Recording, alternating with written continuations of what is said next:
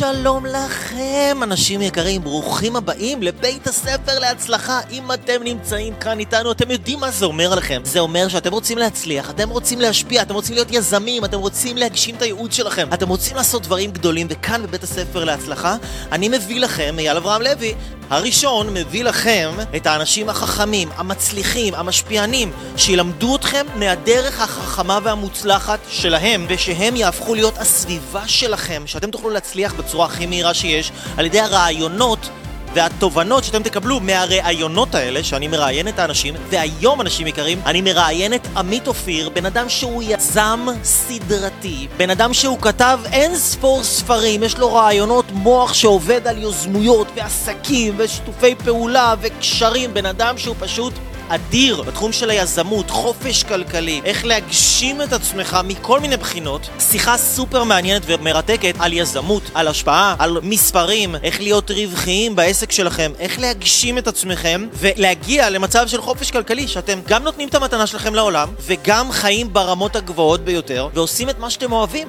כל הזמן, בכל מקום. תכינו מחברת וכלי כתיבה, ואנשים יקרים, אם אתם רוצים שאנחנו נלמד אתכם ונלווה אתכם צעד אחרי צעד בדרך להגשמה שלכם, עם המנטורים הכי טובים שיש בארץ, עם השיטות, עם הכלים, עם הידע שהוכיח את עצמו מאות ואלפי פעמים בהצלחה על כל בן אדם, כל מגזר, כל גיל, הצטרפו לאחת מתוכניות הליווי שלנו, אנחנו נשמח לתת לכם את כל מה שיש לנו כדי שאתם תהפכו להיות סיפור הצלחה ותהפכו להיות שגרירים של האור. אז תיכנסו לאתר עכשיו www.levylife.com תשאירו הודעה, אחד מהנציגים, נציגי ההשפעה, יועצי ההשפעה ויועצי ההגשמה שלנו ייצרו איתכם קשר בחזרה ויסבירו לכם איך אתם יכולים לקחת את הרצון ואת השאיפה הפנימית שלכם ולהפוך את זה למשהו גדול ואדיר שמתממש בחיים שלכם. אנשים יקרים, אנחנו יוצאים לדרך, עמית אופיר, שלוש, שתיים, אחת.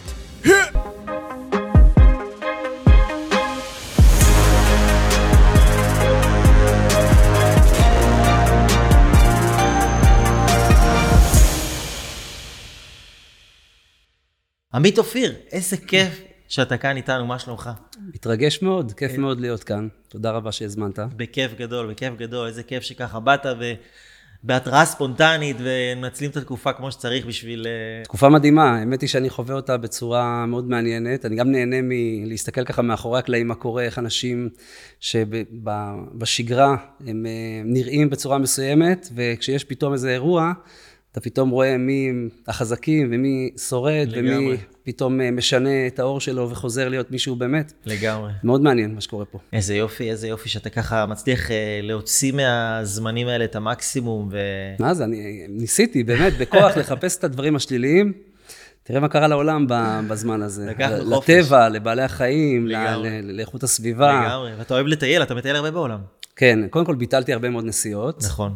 והבנתי גם מהר מאוד, מה שנקרא, כאילו, שזה הולך לכיוון הזה. אז כבר בימים הראשונים עשיתי, במקום uh, תהליך תודעתי של להגיד, אוקיי, בוא נראה מה יקרה שבוע הבא, בוא, נקרא, בוא נראה מה יהיה עוד חודש, אז אמרתי, אוקיי, זהו, cut, ברגע הראשון שזה קרה, ובעצם שיניתי, עברתי שיפט מאוד מאוד מהיר לעשייה.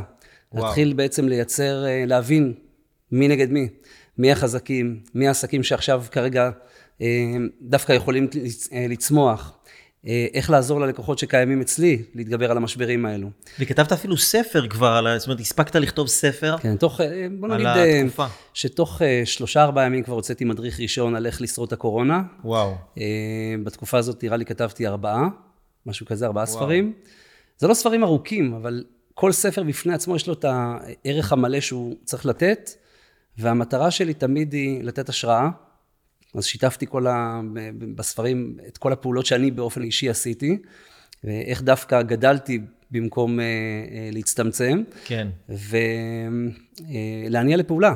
זאת אומרת, השראה זה נחמד, אבל בסוף אנחנו רוצים לעשות פעולות, אנחנו לגמרי. רוצים ליישם את הדברים האלו. לגמרי. אז הפוקוס שלי הוא מאוד מאוד מהיר על איך אנחנו צריכים, מה שנקרא,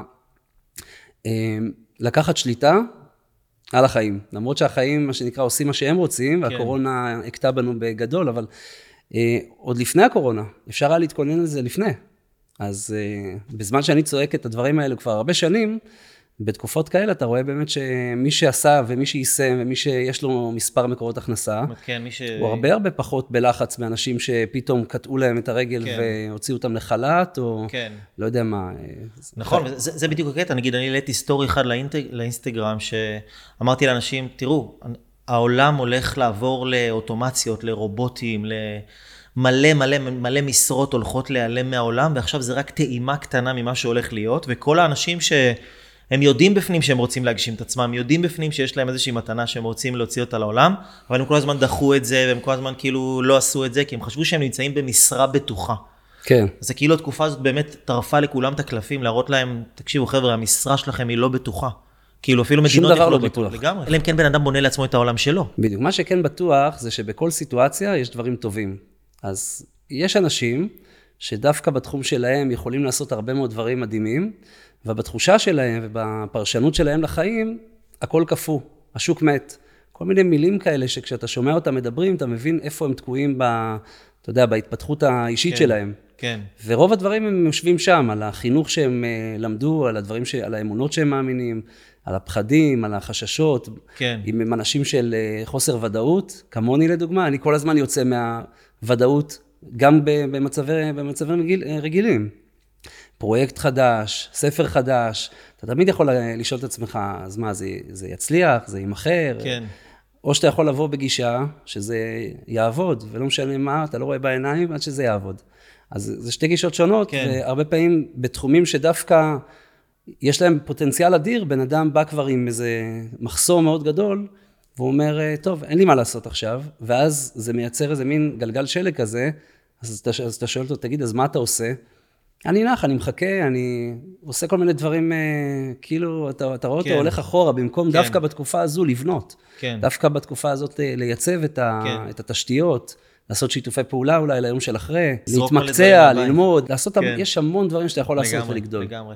ו- ותגיד, עמית, איך, איך אתה אה, הגעת למה שאתה עושה היום? זאת אומרת, מאיזה גיל ידעת שאתה רוצה להיות יזם? האם ההורים שלך בבית הם יזמים? איך הגעת לזה? קודם כל, אה, עברתי הרבה מאוד גלגולים, ואני, כשאני מסתכל גם קדימה, אני מאמין שאני אמשיך לעשות את הגלגולים האלה. להמציא את עצמך מחדש כל הזמן. כל הזמן, כן. זאת אומרת, אם היית שואל אותי, נגיד, לפני חמש שנים מי אני, אז הייתי אומן מבצלאל. למדתי בבצלאל, אה, אנימציה. וואו. אה, מאז ומעולם אהבתי יצירה ו- ו- ואומנות, אבל גם היום כשאני מתעסק בעולם העסקי, ואני מלמד אנשים ובעלי עסקים להתפתח ולבנות חופש כלכלי, בכל ההיבטים, גם הפיננסי וגם דברים שפעם בכלל היית אומר לי משהו פיננסי, הייתי שואל אותך, מה, מה אתה רוצה ממני? תן לי, תן לי לנסוע לאיזה חוף בברזיל. שזה באמת התשוקה הגדולה, אחת התשוקות הגדולות שלי. אז uh, התגלגלתי לזה באמת כי כל הזמן הייתי קשוב לתשוקה. כל הזמן הייתי קשוב ללב. וכשהייתי בגיל 20, כשהייתי בצבא עוד, אז כתבתי ספר בשלושה ימים, וואו. שנקרא חיפוש מחפש משמעות. ספר קטן כזה, באמת לא דורש הרבה יותר מדי uh, עבודה. Uh, והרעיון שלו היה כאילו שהחיפוש הזה, החיפושית, רוצה לצאת ולחפש את הגורל שלה, לחפש את הייעוד שלה, לחפש את ה- את התשוקה שלה, והיא הולכת אחרי הלב. ויש שם ציור אחד, שזה הציור שמה שנקרא מוביל אותי ולוקח אותי 20 שנה כבר, אנחנו כבר 20 שנה אחרי שהוא יצא לאור, אמ, שהרגעים האלו וההחלטות, איפה התשוקה ואיפה הלב שלך נמצא, זה כל הזמן איתנו. ולכן העזתי, מה שנקרא, לצאת מהעולם של האומנות ב-2014, להיכנס לעולמות אחרים. בהתחלה זה העולם העסקי, אחר כך העולם הפיננסי, השקעות נדל"ן, זאת אומרת, במקומות חיפשת. אחרים... ידעת שאתה רוצה חופש ושאתה אוהב לטייל, וכאילו זה הוביל אותך לעשות איזשהו חיפוש. כן, עד גיל 35, דרך אגב, כסף בכלל לא עניין אותי. זאת אומרת, זה וואלה. בכלל לא היה משהו שניסיתי לא, לא להשיג. מטרה, כאילו. התרחקתי מזה כמו מאש אפילו, אפשר להגיד. זאת אומרת, אה, עשיתי עסקים, עבדתי מאוד קשה, הגעתי להישגים מאוד מרשימים בתחום שלי, אה, והרווחתי כסף. אבל זה לא מה שעניין אותי. מה שעניין אותי היה כל הזמן, איך אני, אה, נגיד בתקופה שלי בלימודים בבצלאל, איך אני מקצר את השנה ואני נוסע לארבעה חודשים לברזיל, כי הייתה לי שם אכסניה שניהלתי, אז אני חוזר לשם הרבה, על איזה אי בודד, משהו מדהים. ואז כל הזמן הייתי בחשיבה שלי, אוקיי, איך אני מאפשר לעצמי לנסוע למקומות שאני רוצה להיות בהם, בזמן שיש הכנסה נוספת שמאפשרת לי את זה. כן. אז פעם אחת עשיתי את זה דרך זה שהשארתי כמויות של מוצרים שיצרתי, הייתי מצייר על חלוקי נחל, ציירתי על חצי מיליון חלוקי נחל, וואו. ומכרתי אותם ככרטיסי ברכה בכל הר- הרשתות הגדולות, סטימצקי, צומת ספרים, ריקושט, אה, המשביר, כל מיני כאלו. אז הייתי שם להם כזה עמדה של אה, 100-200 חלוקי נחל, ונוסע, בזמן שיש 2,000 נקודות מכירה שמוכרות את, ה, אה, את האבנים האלו, את החלוקי נחל האלו. ואז הייתי נוסע ככה לשלושה ארבעה חודשים, חוזר ואוסף את הכסף. אז הייתי כאילו, התחלתי להיות יצירתי יותר ויותר ככל שהבנתי איזה אפשרויות יש. ועם הזמן יצרתי לעצמי בעצם שיטה שכל יום אני בונה לעצמי עוד ועוד נכסים. שהמשמעות של נכס זה בעצם סוג של מנגנון, לא משנה אם זה נכס נדל"ן, כמו שאנחנו מכירים, כן. שיכול להכניס לנו אה, שכירות, כן. או אה, לא משנה אם זה משהו אה, נדל"ני. אה, כולנו יכולים ליצור נכסים כל הזמן, בעיקר בעידן הזה המדהים שאנחנו חיים בו היום, עם כל הטכנולוגיות וכל הדברים הדיגיטליים שיש. ולא צריך המון כסף גם בשביל ליצור איזשהו נכס. לא צריך שום דבר שהוא לא בר השגה. בסדר, יש אנשים שאומרים, אין לי כסף אז אני לא אעשה. יש אחרים שאומרים, אין לי ידע אז אני לא אעשה. כן. יש אנשים שאומרים, אין לי אומץ אז אני לא אעשה. זאת אומרת, לא משנה עכשיו מה הדברים שאתם מרגישים שאין לכם, כן. תמיד אפשר לפתור את זה, זה דברים ש... זה ידע נרכש, זה לא ידע שהוא אה, מולד או משהו כזה. כן. ומה בן אדם כן צריך בשביל שיהיה לו נכס כזה שמניב לו הכנסה? מה הוא כן צריך? ידע פיננסי, קודם כל השכלה פיננסית. שמה זה אומר בשבילך השכלה פיננסית? זה קודם כל אה, מה שנקרא לטשטש את הגבולות של מה אי אפשר. כאילו להגיד הכל אפשר. מה אכפת לנו? מקסימום, אתה יודע, נצליח. עכשיו, אני באופן אישי, יש לי איזשהו מין טקס שאני עושה כל שנה, ועם השנים זה גם הפך להיות משהו שהוא הרבה הרבה יותר משמעותי, אז אני אשתף איתכם את, ה, את הדבר הזה. בכל שנה בראשון לינואר, אני מסתכל על, על דצמבר, ה-31 לדצמבר, של אותה שנה. של אותה שנה, ואני אומר לעצמי, אוקיי, על איזה פסגה אני רוצה להיות? עכשיו, אני, אם אני מסתכל על עצמי בתחום מסוים, נגיד בתחום הבריאות, בתחום העסקים, לא משנה באיזה תחום, ואני אומר לעצמי, אני איקס בראשון לינואר. אז היעד שלי לאותה שנה זה שאני אהיה 10x. זאת אומרת, אני מגדיר לעצמי מראש שבאותה שנה אני הולך לגדול פי 10 ממה שאני יודע היום. וואו. אז אני אתן דוגמה, נגיד איך אני מיישם את הדברים האלו. בשנה אחת אמרתי לעצמי, אוקיי, יש לי המון ספרים, בוא נתרגם אותם. אמרת, הספרים מתורגמים ל-30 שפות, איך זה קרה? זה לא קרה כי מישהו בא ואמר לי, טוב, בוא נתרגם את הספר שלך כן. כן. ל-30 שפות. זה כי אני אמרתי לעצמי, בסוף השנה הזאת אני הולך להיות עם המון המון המון שפות, כדי להגיע למאות מיליוני אנשים, אם לא מיליארדים, שיכולים לקבל את המתנה שיש לי, כמו שלכל אחד יש את המתנה שלו, אמרתי, זה אני רוצה בכל בית, כי אני מאמין שזה יכול לעזור להם. וכל ספר יש לו את הנושא שלו, את התחום שהוא אה, נותן מתנה אחרת. יש לי המון ספרים בנושא של ציור, יש לי ספרים אחרים בנושא של התפתחות אישית, ספרים נכון. אחרים התמודדות עם כל מיני אה, דברים אה, כן. אה, עסקיים, ניהול זמן. שני ספרים שכתבת, איך 24-8, איך לייצר יום נוסף בשבוע ולהיות מגה אפקטיבי, וזה לטייל בעולם ולהרוויח כסף, שזה בעצם סדרה, נכון? זו סדרה כן, זה ספרים. חלק מתוך סדרה. מדהים. אה, אני אוהב לכתוב סדרתי, כי יש פה תמיד אה, זוויות שונות של אה, נושא מסוים, שאני Mm. אוהב לגעת בהם מכל הכיוונים. ובאופן עסקי, אם אתה שואל את המודל העסקי, אז המודל העסקי של סדרה שהיא מביאה בעצם מכפלת כוח מאוד מעניינת לפעילות. זאת אומרת, כבר מהספר הראשון כתוב על המספר אחד, למרות שאין סדרה. Mm. אז כבר מההתחלה אני יוצר את הסדרה ואני יוצר את הציפייה ואת ההמתנה של הלקוח, שכבר מגניב. קרא את הספר, להמשך הדרך. שכאילו הבן אדם שהוא רוכש את הספר הראשון, הוא כבר יודע שיהיה ספר שני. כן, דרך אגב, את הסדרה הזו כתבתי בשנה אחת, ארבעה ספרים, אז מראש ידעתי שב... זה היה באפריל, בפסח, פתאום אמרתי לעצמי ב-2014, די, מספיק עם האומנות, בוא, בוא נראה מה עשית עד היום ברמה העסקית, איך הגעת לאן שהגעת. כן. ותוך 21 ימים כתבתי את 24-8, שבעצם שמה יש למעלה מ-60 שיטות של ניהול זמן, שבעזרת הזמן שהשתמשתי בו, יצרתי נכסים, מדהים. שהם אלו שנותנים לך את היום הנוסף בשבוע. למי שרוצה את הספר הזה, נשים לינק למטה שיוכלו לרכוש אותו. בשמחה, בכיף.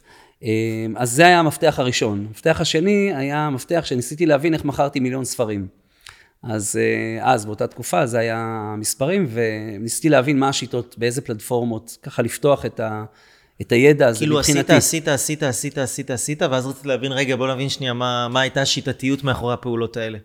כן, וגם מהבחינה של המודל העסקי, באותה תקופה נמאסתי קצת לעבוד לבד, כי עבדתי בסטודיו כיוצר. זה היה לי סטודיו, הייתי כל היום לבד, אה, חווה את היצירה, אחר כך הולך ומשווק אותה, הייתי ממש עובד one man show mm. בהארדקור של זה, ונמאס לי קצת לעשות את זה. כן. ואז אמרתי לעצמי, אוקיי, בוא ניכנס קצת למקום שיש לי אנשים שם, משהו כמו טרקלין עסקים כזה, אז שכרתי אה, משרד ליד הים, אמרתי לעצמי, ככה אני רוצה לחיות. עם uh, כניסה לסאונה, לג'קוזי, אתה יודע, לטיילת ככה, לחיים הטובים, מה שנקרא. ואמרתי לעצמי, אוקיי, איך אני ממלא את הזמן בטרקלין הזה? לא כן. לא היה לי שום דבר ביומן, לא uh, פגישות שאמורות להיות. אז התחלתי לייצר פגישות, ועם הזמן התחלתי לשתף ב, בידע שלי ובתובנות שאני אספתי, אנשים שדומים לי, בעיקר אנשים שיש להם עסקים קטנים, אומנים, שחקנים, מטפלים, אתה יודע, כל מיני אנשים כן. שגם הם one man show, כן. ששאלו אותי איך, איך אני יכול לתת את המתנה שלי בתקופה ההיא, בעיקר בעזרת ספרים. כי ספר זה כלי מאוד מאוד עוצמתי, אז אני מאוד נהנה ממנו, כי הוא גם עוזר לך להתקדם ולהתפתח ברמה שלך, להתמקצע, והוא גם אחר כך מאפשר לך להגיע, ל... לפתוח כן. המון דלתות. כי כשאתה כותב על נושא מסוים, זה מחייב אותך לחקור אותו יותר לעומק כן, בעצם. כן, זהו, יש כוח למילה הכתובה שיוצאת לאור, אז ברגע שאתה שם את עצמך חשוף ככה, אז א', אתה לא מוותר לעצמך, אתה רוצה להוציא מוצר שהוא אה, באמת אה, מספיק טוב. ומצד שני, אתה גם רוצה לאפשר שהידע הזה יגיע, כי אם כן. הוא אצלך, אז הוא במגירה, ומה כן. זה עוזר לעולם. ונגיד פרפקציוניזם, יצא לך לחוות את התופעה? זאת אומרת, אנשים שאומרים, טוב, אני יודע שיש לי, אני, אני לא מוציא את זה לעולם, יש לי משהו טוב, אני לא מוציא את זה לעולם, כי זה לא מספיק טוב עדיין. כן, עדיין לא זה, מספיק זה, טוב. זה אחת, ה, אחת הבעיות הגדולות שיש אה, לאנשים בנושא של... אה, דברים. אני יכול לתת לך דוגמה על, על עצמי, שהיא מראה כמה אנחנו מפסידים אה, כשאנחנו, מה שנקרא, שואפים יותר מדי, mm-hmm. כאילו, קצת יותר מדי אה, קשים עם עצמנו. אני את הספר הראשון שלי הוצאתי בשנת 2000, והרבה זמן רציתי להוציא אותו לאור בשפות אחרות, אבל עד 2013 לא היה לי את האומץ להוציא אותו באנגלית. 13 שנה התעכבתי מלתת את המתנה הזאת וואו. לעולם. על החיפוש אה, שמחפש... אה, חיפוש מחפש משמעות, כן. זה ספר אה, באמת שקל גם לתרגם אותו, אין בו הרבה טקסט, אבל הסיבה שלא עשיתי את זה, כי פחדתי, מה לי ולאנגלית, אני לא מדבר מספיק כן. טוב, לפחות בראש שלי. כן. ואני מניח שזה גם בראש של כולנו. לכל אחד יש סיפור אחר שמונע כן. ממנו להוציא את זה החוצה. אבל האבסורד הגדול של הדבר הזה, זה, זה בעצם שני דברים. אחד, זה שהיום, כשאני מרצה בעולם, אתה מבין עד כמה הישראלים, הם מדברים הרבה יותר טוב באנגלית מאשר הרבה מאוד אנשים בעולם. זאת אומרת, אתה רואה מרצים שמגיעים מכל מיני מדינות שהם אה, לא מדברים אנגלית, ויש שם שני דברים. אחד, אנחנו ברמה הרבה יותר גבוהה מהם, למרות שנראה לנו שאנחנו לא. והדבר השני זה שיש מתורגמן שמתרגם את האנגלית הרעועה שלך לשפה המקומית. נגיד אם אתה עושה הרצאה בפולין, אז יתרגם את זה לפולנית. כן. או לווייטנאמית, או לא כן. משנה לך באיזה שפה. ואז הוא לוקח את מה שאתה אמרת בחצי כוח, ומתרגם את זה מקצועית לשפה המקומית. כלומר, כן. הקהל שצופה בך חווה אותך כאילו אתה מדבר פרפקט כן. מהבחינה הזאת. אז זה קצת אה, מצחיק שאנחנו חוששים ממשהו שהוא בכלל לא קיים. כן. והאבסורד השני זה שכשהוצאתי את הספר, הוצאתי יחד איתו עוד סדרה של שישה ספרים, ובאותו שבוע יצא, שהסדרה הזאת יצאה לאור, הגעתי למקום ראשון במח... ברשימות רבי המכר בעולם, באמזון, וואו. בתחום של טכניקות לימוד ציור בכל מיני סוגים. זאת אומרת, הספר שלי היה מקום ראשון, וספר של דיסני היה במקום שני, או מקום שלישי, בובספוג, או דורה, או כל המותגי על. אתה אומר לעצמך, מה, מה, מה קרה פה? כאילו, איך זה יכול להיות? זאת אומרת, למדתי גם לקדם את הדברים ולעשות אה, דברים ש, שיצרו השקה כן. עם באז כזה, שהרבה אנשים כן. אה, נתקלו בזה, אבל אתה אומר, איך, איך יכול להיות שבן אדם כמוני, שהוא one man show, מתחרה עם חברת ענק שמשקיעה מיליונים, זה כאילו לא הגיוני. אבל כשאתה נכנס פנימה ואתה לומד את המאחורי הקלעים, מה קורה באמת מאחורה, אז אתה מבין שדיסני מכרה זיכיון להוצאה לאור, שהיא מעסיקה איזה מישהו בן 18, שיש לו מיליון ספרים שהוא צריך עכשיו לעלות לאמזון, ואין לו איזה קשב מיוחד לספר הספציפי הזה או הזה, כן. זה לא מה שהוא עושה. אז כשאני נמצא בתחרות מולו ואני מקדם את הספר שלי, אז הוא כאילו רדום. זאת אומרת, התחרות היא מול מישהו רדום, כמו כן. הסיפור של הארנב והצב. כן. הוא כאילו עצלן, הוא כבר עשה את המיליונים שלו, כן. הוא, אה, הוא לא עכשיו כאילו, הוא קיבל זה את הכסף, הספר שלו, הוא סגר את העסקה, ועכשיו הוא כאילו, אין לו, אין לו מוטיבציה לדחוף את זה. כן, אבל מבחינת ההישג, תחשוב שעכשיו אני ניגש עם הישג כזה להוצאה לאור, אומר להם, חבר'ה, השיטה שאני מלמד אותה, עקפה את הכי טובים בתחום. אתם רוצים להוציא לאור את הספר? אז אתה יודע, אז משם מתחילה איזושהי כן. מין שרשרת של אירועים שאתה יכול בעצם לחזק את עצמך כמותג. ובכל זאת, מה, מה לדעתך גרם לך לדחוף את עצמך יותר חזק ממותגי על כאלה? זאת אומרת, מה... איך אתה רואה בכלל את כל הדבר הזה של לדחוף את עצמך, של לפעול, של, של לעשות? אתה עושה המון, אתה כל הזמן בעשייה, נכון? אתה כל הזמן... אני מכור, ל, כן, מכור לעשייה וליזמות, ואני מסתכל על החיים שלי, אני רוצה לחיות חיים מלאי משמעות, אני לא יכול לראות את עצמי מבזבז את החיים על, על שטויות. אז אה, מאז שאני זוכר את עצמי, תמיד, אה, תמיד הייתי עושה דברים, הרבה דברים לא טובים או לא נכונים, מבחינת זה שלא היה לי את ההדרכה הנכונה ואת ההכוונה הנכונה, וזה נובע כמובן מחינוך, שכמובן אף אחד ב, מהמשפחה ומהסביבה הקרובה לא הדריך אותי ללכת לכיוונים של נגיד כסף, למרות שהם ניסו, אבל אף פעם לא הייתי פתוח לזה, mm-hmm. עד גיל 35. אז העשייה שלי נבעה מאיזשהו רעיון, שאם אני אמכור מיליון ספרים, ואני אהיה בכל בית, בהתחלה זה היה בישראל, אבל אם, אם אני אהיה בכל בית בישראל, אז אני אהיה מיליונר, כאילו, אני אהיה חופשי. זאת אומרת, המיליונר היה ביטוי לחופש. כן. זה מה שדחף אותי. כאילו בעצם לשתף את הידע עם כמה שיותר אנשים. כן. ובמשך 13 או 14 שנים, התמקדתי בספרים ובמוצרים האלו, גם מכרתי הרבה מאוד זיכיונות, אבל הפוקוס היה לייצר מלא מוצרים קטנים. סימניות ומדבקות ויומנים ומחברות וכל הקלסרים, כל המרצ'נדייז, מה שנקרא, של אה, מאות סוגים של מוצרים, אבל שכולם נמכרים בחנויות, אתה יודע, בעשרות שקלים, ומתוכם מגיע לי על זה שקל, על זה שניים, על זה שלושה, על זה חצי שקל, כאילו דברים מצחיקים כאלו. ואחד הדברים המעניינים שקרו לי מבחינת קפיצות קוונטיות, היה בשלב מסוים שאחת החברות הכי גדולות שקנתה ממני זיכיון, עמדה לפשוט רגל. באותה תקופה ייצגה אותי חברה של, חברת בת של ידיעות אחרונות, חברה בשם YPL, והחברה הזאת ייצגה את דיסני. זאת אומרת, היא ייצגה אותי ואת דיסני, ומותגים מהסוג הזה. הייתי הישראלי היחיד באותה תקופה שהיה מיוצג בסדר גודל כזה. והסיבה שלקחתי את הייצוג שלהם, זה שאמרתי לעצמי בראש, שוב, אנחנו מספרים לעצמנו מלא סיפורים. ממש, כאילו, כל החיים שלנו זה סיפורים, בגלל זה גם יש לי תוצאת רב-מכר, לכל מי שמספר סיפורים לעצמו, אז אתה יודע, אז אני לוקח אותו לשם. למי שרוצה לעשות כסף, אני לוקח אותו ל... היום לחברת מינוף עסקי. אז אז סיפרתי לעצמי סיפור נורא נחמד. אמרתי לעצמי, החברה הזאת תגן עליי במידה והחברה הזכיינית וכל שאר החברות הזכייניות יפרו את ההסכם. זאת אומרת, הרגשתי שיש איזו סוללה, זה ממש, זה המילה, סוללה של עורכי דין, ככה דמיינתי לעצמי את זה בראש, שתגן עליי בש, בשלב שאני אצטרך את העזרה שלהם. Mm-hmm. ואז קרה בדיוק זה. החברה עמדה לפשוט רגל, נעלמה מתחת לרדאר, התרעתי בפני החברה של ידיעות אחרונות, חבר'ה, בואו תתחילו לגבות, לגבות כסף, שלחו מכתב, שלחו מכתב, לא קיבלנו הרבה זמן כסף. ואז הרמתי טלפון לבעלים של החברה, איכשהו ענה לי, אחרי הרבה שיחות שהוא לא ענה לי, פתאום הוא ענה, ואמרתי לו, תקשיב, בוא נעשה דיל, כל הכסף שאתה חייב לי, אני אשלים, ואני לוקח את כל מה שיש לך, את כל המוצרים שייצרת, כדי להציל את המותג שלי. וסגרתי איתו עסקה.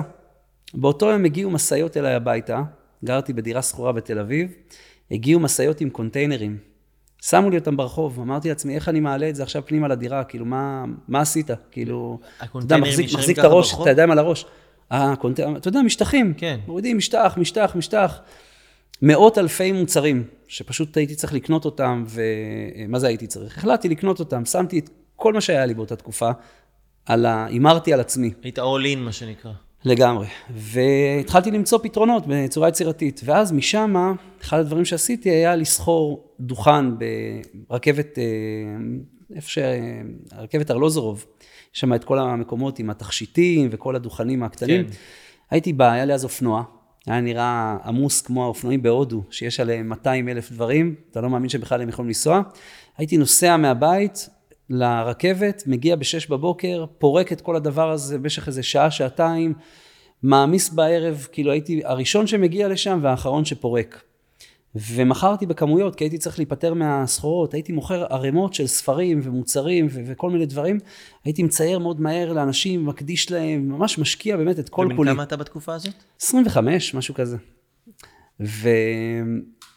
ובגלל שהייתי כל כך חייב לפנות את הזה, אז הייתי עושה את זה באמת, אה, אתה יודע, יום-יום. כן. עכשיו, לידי היה דוכן שמכר שעונים.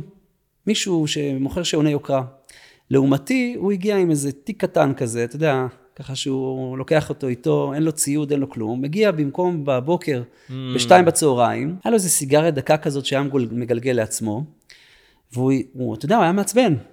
כי ביחס אליו, אתה יודע, אני קורע את התחת, כן. והוא כאילו בכיף שלו. ואיזה יום הוא אמר לי משהו, הוא אמר לי משפט כזה שצרב אותי, מה שנקרא, אתה יודע, יש לך לפעמים הרגשה שאתה על גג העולם, כן. ולפעמים אתה כאילו אה, אביון אה, חסר, אה, חסר קול. ואז הוא שואל אותי, תגיד, אה, אתה, אתה, אתה עושה כסף? כאילו, אתה אפשר להתפרנס מזה? אני רואה שאתה משקיע ושאתה עובד וזה, אבל כמה אתה עושה בסוף היום? עכשיו, תשמע, זה, זה כאילו כשאתה אומן, ואתה גם מוכר את הדברים של עצמך, ומישהו בא ושואל אותך כזו שאלה ושם לך מראה בתוך הפנים, זה, זה נורא כואב, זה צורב. אתה כאילו עוצר רגע ואתה, מה אתה רוצה ממני? זה מה שאני עושה, זה מה שאני יודע לעשות. מה האלטרנטיבה, כאילו, מה אני יכול לעשות? ובאיזשהו מקום, אחרי שנתיים, שלוש, הבנתי מה הוא אמר. ומאז התחלתי בתהליכי ליווי שאני מלווה בבעלי עסקים, להסתכל בכלל, לה- להסיט את הפוקוס למוצרים ושירותים הרבה הרבה יותר גדולים מהמוצרים שהייתי מוכר פעם, mm-hmm. של הספרים הקטנים שהיו מכניסים ככה וככה כן, כסף. זאת אומרת שתהיה רווחיות אה, יחסית גדולה. כן. אז היום תהליכי ליווי שלי יכולים להגיע גם ל-100 אלף שקל, זאת אומרת, דברים מאוד משמעותיים. אבל כשבעל עסק מגיע והוא נגיד הכנסה של 4,000 שקל בחודש, 10,000 שקל בחודש, בתודעה שלו הוא נמצא איפה שאני הייתי לפני הרבה מאוד זמן. כן. ומהר מאוד, בשינוי תודעתי, הוא פתאום מצליח להגיע ל-20 או ל-30. עכשיו, זה מאוד תלוי בכמה הוא אה, מעריך את עצמו. כי אם הוא לא? מעריך את עצמו, אז הוא גם לא יכול למכור שירות כזה או כזה. אם הוא לא מעריך שהוא שווה את הסכומי כסף האלה? כן, נגיד לצורך העניין הוא מטפל, אוקיי? או שיש לו איזה שירות אה, של ייעוץ, והוא לא מאמין בייעוץ שלו, הוא לא באמת מאמין שהוא נותן ערך לאנשים ומשנה להם את החיים.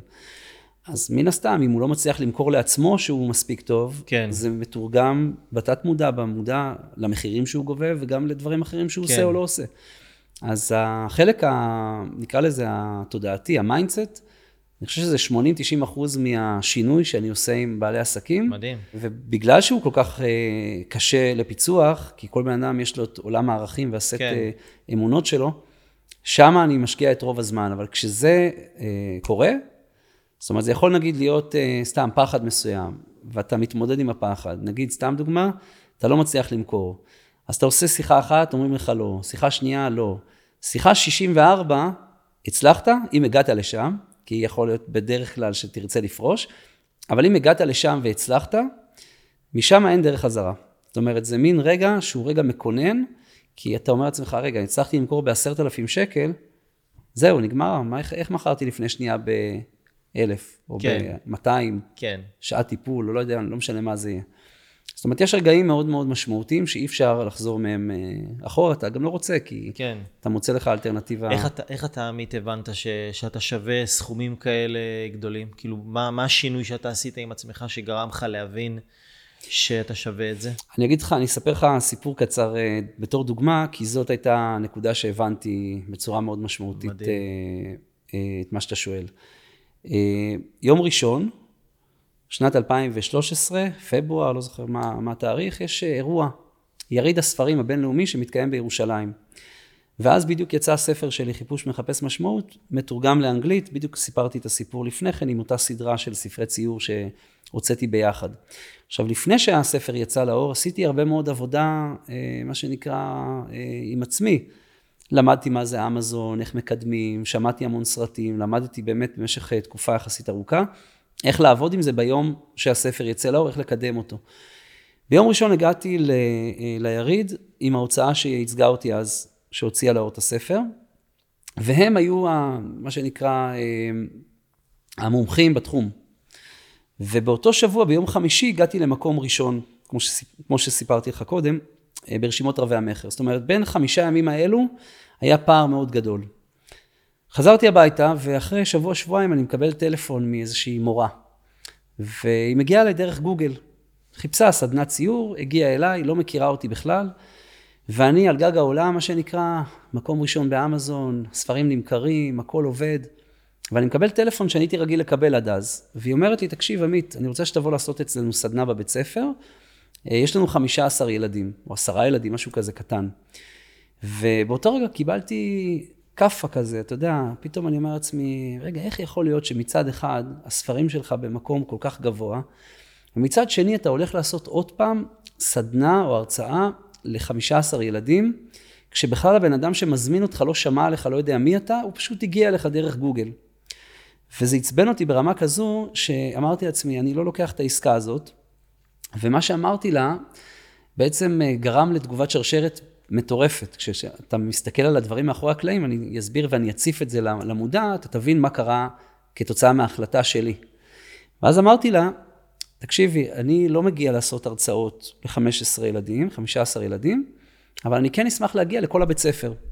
אז מה שאני, מה שאני רוצה שתעשי, כאילו אני אומר לה מה לעשות, ברוב חוצפתי, אני אומר לה, מה שאני רוצה שתעשי זה שתפני למנהלת, ותחברי בינינו את השיחה, תגידי לה ש, אה, שאני מעוניין להגיע לעשות הרצאה לכל הבית ספר, והסברתי לה בעצם קצת על השיטה ומה עשיתי ואיך זה יחזק את הביטחון העצמי של הילדים, אה, ושהשיטה עובדת בכל העולם, ושהספרים במקום ראשון באמזון. ואמרתי לה שכשאני מגיע לעשות הרצאה אני אחתום לילדים, כי כבר גם אז היה לי המון, היה לי המון אה, ניסיון בזה, הרציתי בפני קהלים מאוד גדולים. אה, אבל להתייחס לעצמי ככה, לא, יכול, לא התייחסתי לפני כן. נותקה השיחה, אמרתי, טוב, אין מצב שהיא חוזרת אליי.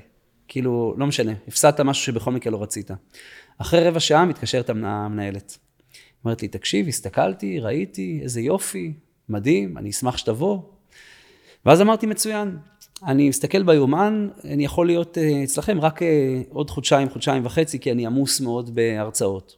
עכשיו, אתה יודע, כאילו זה מין משחק קצת, כי באותה תקופה אמנם הייתי עמוס, אבל יכולתי למצוא זמן להרצות. אבל עדיין, כאילו, בשביל הרושם הזה שבן אדם במקום הראשון, אמרתי לעצמי, בואו ניקח חודשיים קדימה, אה, נעשה לה בסוף שנה אירוע גדול לכל, ה, לכל הבית ספר. ובתקופה הזו אמרתי לה, את, בגלל שזה גם כל כך רחוק, אני אשלח לך חומרים שתוכלי להעביר להורים, תספרי להם שאת משקיעה בחינוך, ואת מביאה מישהו שהוא באמת, יש לו שיטה מאוד מאוד אה, מעניינת. דרך אגב, זו שיטה שמכרתי זיכיון שלה לדיסני ישראל. זאת אומרת, זו שיטה שהצליחה כן. באמת בגדול בכל העולם, אבל... אבל... שהיא מלמדת איך, איך לצייר? כן, מפרקת את עולם הציור לחמישה וואו. שלבים נורא פשוטים, כאילו שתוך דקה ש... אתה מגיע לתוצאות גם בן אדם שלא יודע לצייר. בעיקר אלה, כן, בעיקר אנשים שלא יודעים. וואו, גדול. אני אומר להם, ציירו משהו, אחרי חמש דקות אתה אומר להם לצייר עוד פעם את אותו דבר, הם מציירים את זה כאילו, ב... הם לא מאמינים. יש אנשים שבוכים בסדנה הזאת, כי הם לא מצליחים להאמין, כי כל החיים שלהם, זה יכול להיות נגיד גם אנשים מבוגרים, כאילו כל החיים שלהם הם, הם האמינו שהם לא טובים במשהו. כן. אז אה, סדנה מאוד טובה. זאת אומרת, האמנתי שהמוצר טוב, אבל הצגתי אותו בצורה שראויה למישהו שאמור להיות במקום ראשון, למרות שבאותה תקופה, כאילו רק התחלתי את הפריצה הזאת. כן. והיא בלעה את הפיתיון, מה שנקרא, והזמינה אותי לעשות את ההרצאה, שלחתי לה את ההצעה עם זה שאני הולך לחתום לילדים, וחודשיים בעצם הם לא ראו אותי. עכשיו, מה שקרה בחודשיים האלו, ולא ידעתי ולא ציפיתי שזה יקרה, אבל זה מה שהיה בפועל. היא שלחה הודעה לכל ההורים, חבר'ה, אני משקיעה בילדים שלכם, אני הזמנתי את מי שעושה אה, לימוד ציור הכי טוב בעולם. מקום ראשון בזה, שלחתי לה חומרים ואתה יודע, פרוספקטים כאלה שתשלח להורים. מה הדבר הראשון שההורים אה, עושים? בודקים מי זה עמית אופיר, כי הם לא הכירו. כן. איך הם עושים את זה?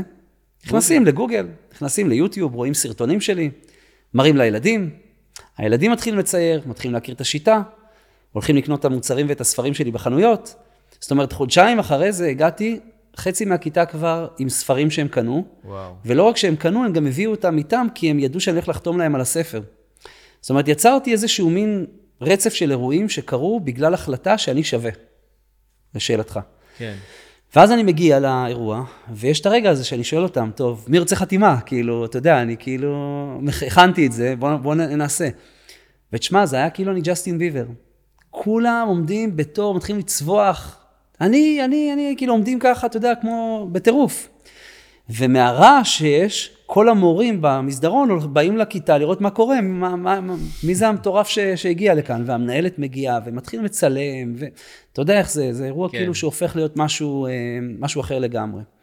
ואחרי זה הבאתי איתי ספרים, אז הלכתי לחדר מורים, כל המורות קנו את הספרים, זאת אומרת, אתה יוצר לך מין הרגשה שאתה באמת סטאר, כאילו, בראש שלך. ועד שאתה לא מאמין את זה בעצמך, ואתה לא פועל, זה לא עניין של להאמין, זה לפעול כן. בדרך הזו, כלום לא יקרה. לשאלתך, אה, כאילו, אני, אני מאמין שאם אתה לא תיקח את זה, אף אחד לא יביא לך את זה. כן. זה, זה עניין שלך, זו החלטה שלך.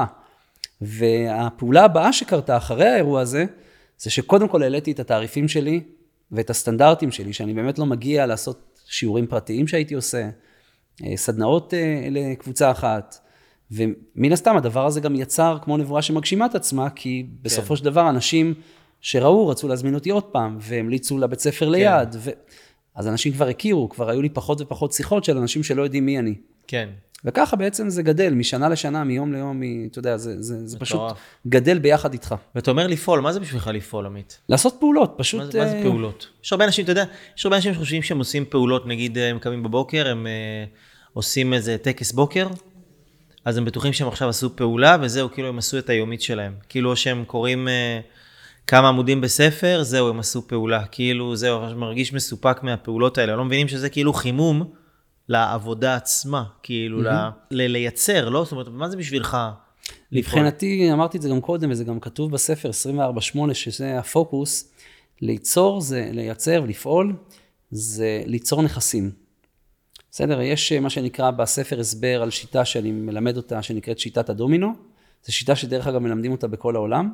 אתה יכול לראות נגיד בניהול זמן בוויקיפדיה, יש okay. את אוקיי. שיטת פרטו ויש את שיטת הדומינו של עמית אופיר, כאילו אחד ליד השני. אז אנשים משתמשים בשיטה הזו, והמשמעות של הדבר הזה, זה שנגיד לצורך העניין, אתה מלצר. אתה היום הולך לתת שירות, ואז אתה מסיים את המשמרת ואתה חוזר הביתה. ואז למחרת אתה קם עוד פעם ואתה עוד פעם עושה את אותה פעולה ואתה נכון. בעצם לא יוצר ולא בונה כלום. כן. לעומת זאת, כשאתה כותב ספר, mm-hmm. אז היום אני עושה פעולה, אני כותב חמישה עמודים, ומחר אני עושה חמישה עמודים, ועוד חודש, חודשיים, שלושה, יהיה מספיק בשביל שהספר יהיה מוכן. כן, זאת אומרת... הספר הזה, זה פעולת דומינו. למה? כי היא משפיעה על מגוון רחב mm. של ערוצי, ערוצים בחיים שלי, היא גם ממתגת אותי, היא גם נותנת לי בעצם אפשרות ליצור חותם. זאת אומרת, פעולה היא משהו יצרני, היא משהו שנוצר משהו שלא היה לפני כן. כן, נכס. זה לא כאילו שלחזור רק על אותם דברים ולחזור על אותם פעולות באיזה מין שגרה כזאת. אני מחליף את הזמן בזה שיש משהו שקיים. המשהו שקיים הוא נכס, אני יכול להשתמש בו לכל מיני מטרות. הוא יכול לעזור לי בשיתופי פעולה עם אנשים מובילים בתחום, הוא עוזר למתג אותי, הוא עוזר לי להגיע לקהלים חדשים, כי פתאום, אם נגיד אני נותן שירות באזור שאני גר בו, פתאום יש לי מוצר שאני יכול לשלוח אותו לסוף העולם. כן. היום, אם אני כותב ספר, עוד נגיד הוצאתי לאור היום ספר, תוך שלושה ימים הוא זמין לכל בן אדם בעולם ומגיע אליו הביתה. זאת אומרת, מישהו עכשיו רוצה לקנות את הספר שלך בגרמניה, תוך שלושה ימים זה אצלו בבית. וזה קורה. פיזית? פיזית. זה קורה. למה? כי וואו. כשאתה מתרגם את הספר לחברות הפצה, זאת אומרת, אתה עובד עם חברות הפצה או מוכר זיכיון של ספר, אתה מיד מגיע לעשרות אלפי נקודות מכירה במערך ההפצה העולמי של חברות שאני עובד איתן. בסדר. אני ו- ואתה באותה מידה יכול לעשות את אותו דבר, כן? כל אחד שמוציא לאור ספר, אם הוא יודע, כמובן, כן. מה לעשות. אז אני אומר, אני משקיע את הפעולות שלי בפעולות דומינו. אז אני עושה אה, הרצאה, אז אני רוצה להקליט אותה, כדי שאני mm-hmm. אוכל להשתמש בה כחומר שיווקי, כ... אה, אולי למכור אותה. כל הזמן מחשבה, מה ייווצר מזה אחר כך? כן, אנחנו רוצים ליצור דברים שהם יישארו אחרינו. כן. ולא לעשות פעולה, לסיים את הפעולה, להגיד, אוקיי, עכשיו אני צריך לעשות את אותה פעולה עוד פעם. אני מנסה כל הזמן לשפר את המהלכים, כן, כדי שאני כן. שיהיה מאחוריי משהו. וכשאני חוזר למה שדיברתי איתך קודם, על, על אותו טקס, שאני אומר, אני רוצה להיות 10x בסוף שנה. בדיוק מה שבאתי לשאול אותך. אז אני אומר, אני רוצה שיהיה בסוף שנה נכסים. זאת אומרת, ה-10x האלה מאפשרים לי להסתכל מה, מה אני משאיר מאחוריי. נגיד לצורך העניין, נגמרו חיי, מה שנקרא. מה, באתי לעולם, מה אני משאיר אחריי. כן.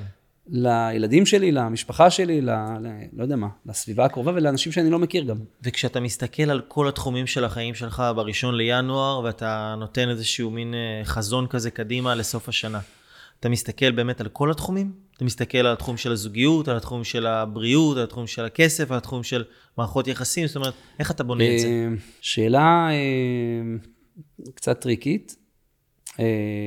צריך מן הסתם שיהיה איזון בין הדברים. מצד שני, הרבה פעמים אתה צריך לשים פוקוס על משהו מהמם. ולהגיע לתוצאה, ומה שנקרא להיות מספיק חזק כדי שהחלקים האחרים בחיים שלך לא, אה, לא יתפרקו. בסדר? כי יש מחיר, בטח לבטח לדברים קיצוניים כמו שאני עושה.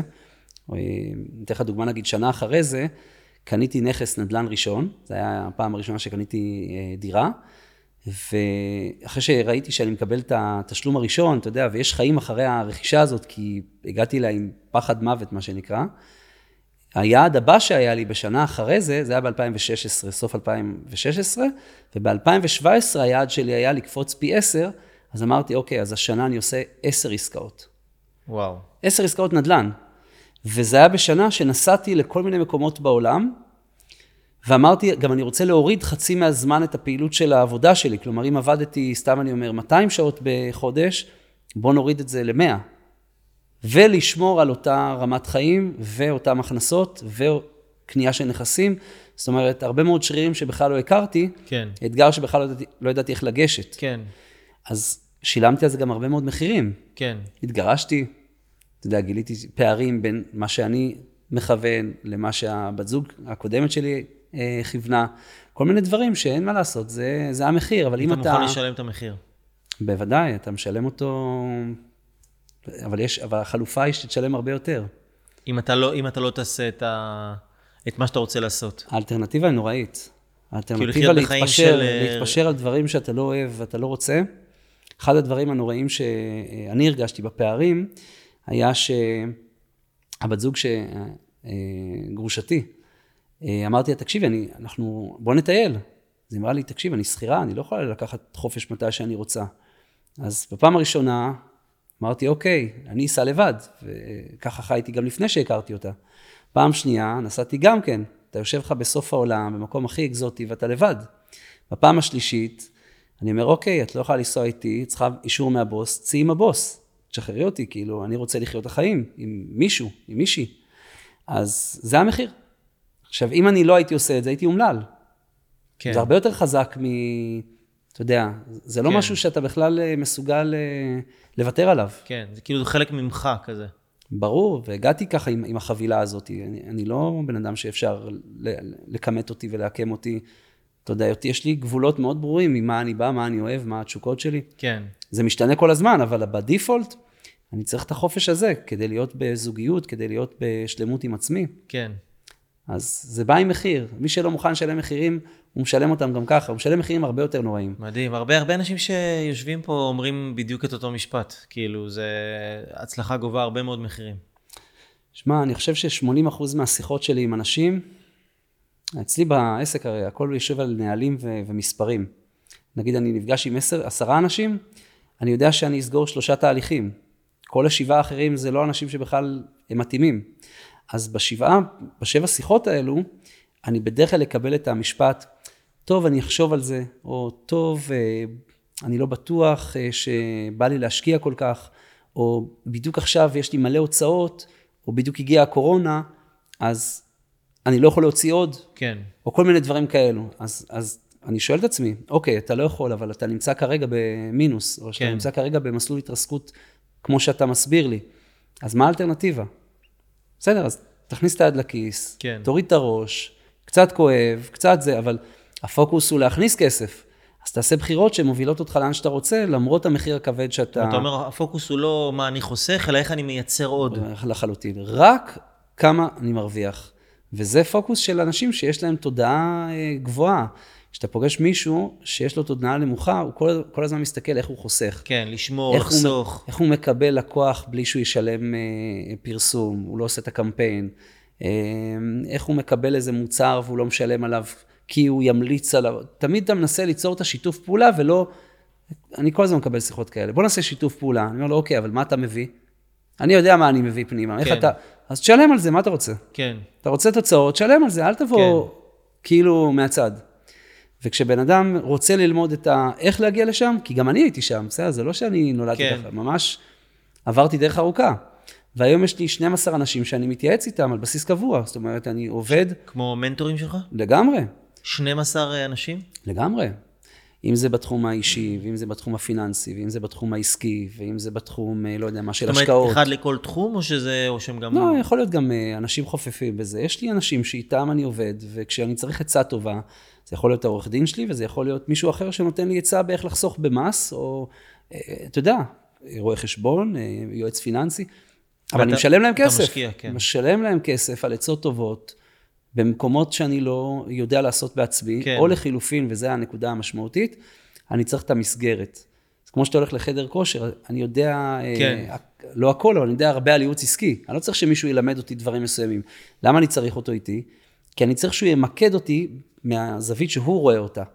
שימקד אותי לשירות הזה ולא לשירות הזה. כן. שהוא ימקד אותי אה, ליעד מסוים ושאני לא אוותר לעצמי. כשאתה הולך למכון כושר לבד, אז אתה כן, מוותר. אתה אומר, נכון. טוב, היום אני לא אלך, מחר אני אתה צריך אפצה. את המאמן בעצם. אתה מאמן את המסגרת, המסגרת שדוחפת, דוחפת, הסביבה, דוחפת את כן. ה... גם אלוף עולם, רוקי, לגמרי. לקח, אה, אתה יודע, לקח בסוף מישהו שהוא זה שמוביל אותו להישאר שם. לגמרי. כשטייגר ווד זה היה מקום ראשון בעולם, אז הוא הרגיש שהוא כבר יכול להסתדר לבד, והוא כאילו פיטר את המאמן שלו. ובטווח של כמה חודשים הוא ירד למקום 17. אה, הגיוני לגמרי.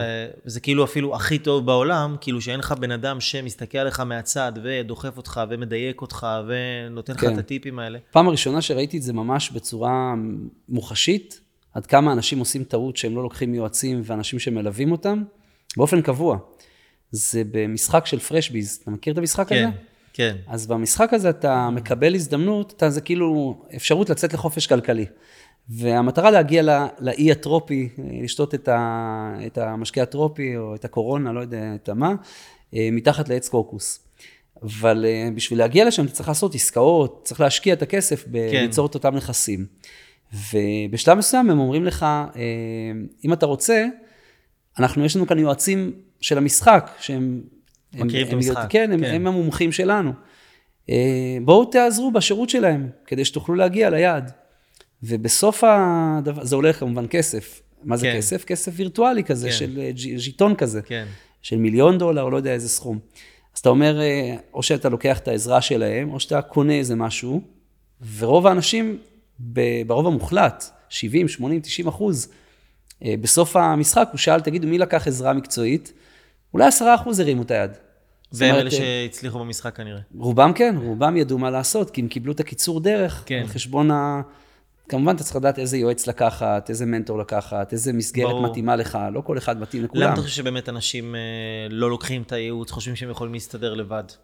מאיפה זה בוא מגיע? נגיד מהזווית שלי, אני לא יודע למה הם, אבל מהזווית שלי, אה, קודם כל אה, הייתי בתודעת אה, עוני הרבה מאוד זמן. זאת אומרת, אתה אומר כל הזמן איך לחסוך, איך לחסוך, איך לחסוך. לא- אני לא אומר, מקבל מצד שני, הרבה פיזי. מאוד אגו. כן, הפי- המשהו הפיזי, כן. באמת קשה למדוד אותו. החלק של האגו, אני יודע, מה אתה תייעץ לי על העסק שלי, אני מכיר אותו הרבה יותר ממך, או, או כל מיני דברים מהסוג הזה. והחלק השלישי, פשוט מודל עסקי לא נכון. כאילו, הם צריכים ייעוץ עסקי, כי המודל עסקי שלהם הוא לא נכון. זאת אומרת, זה מין ביצה ותרנגולת, כן. שהם... התוצאה ידועה מראש. כן, אה, בעיקר לבן אדם שיש לו עסק כבר כמה שנים ואתה רואה מה הוא עושה. כן. אתה רואה שהוא לא עובר איזושהי תקרת זכוכית, לא משנה כן.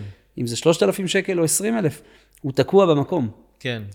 וכשיש את הפער הזה, אז צריך אה, מישהו, והסיבה ה- הגדולה ביותר, זה שרוב האנשים שנותנים את הייעוצים האלו, הם לא מתאימים למי ש...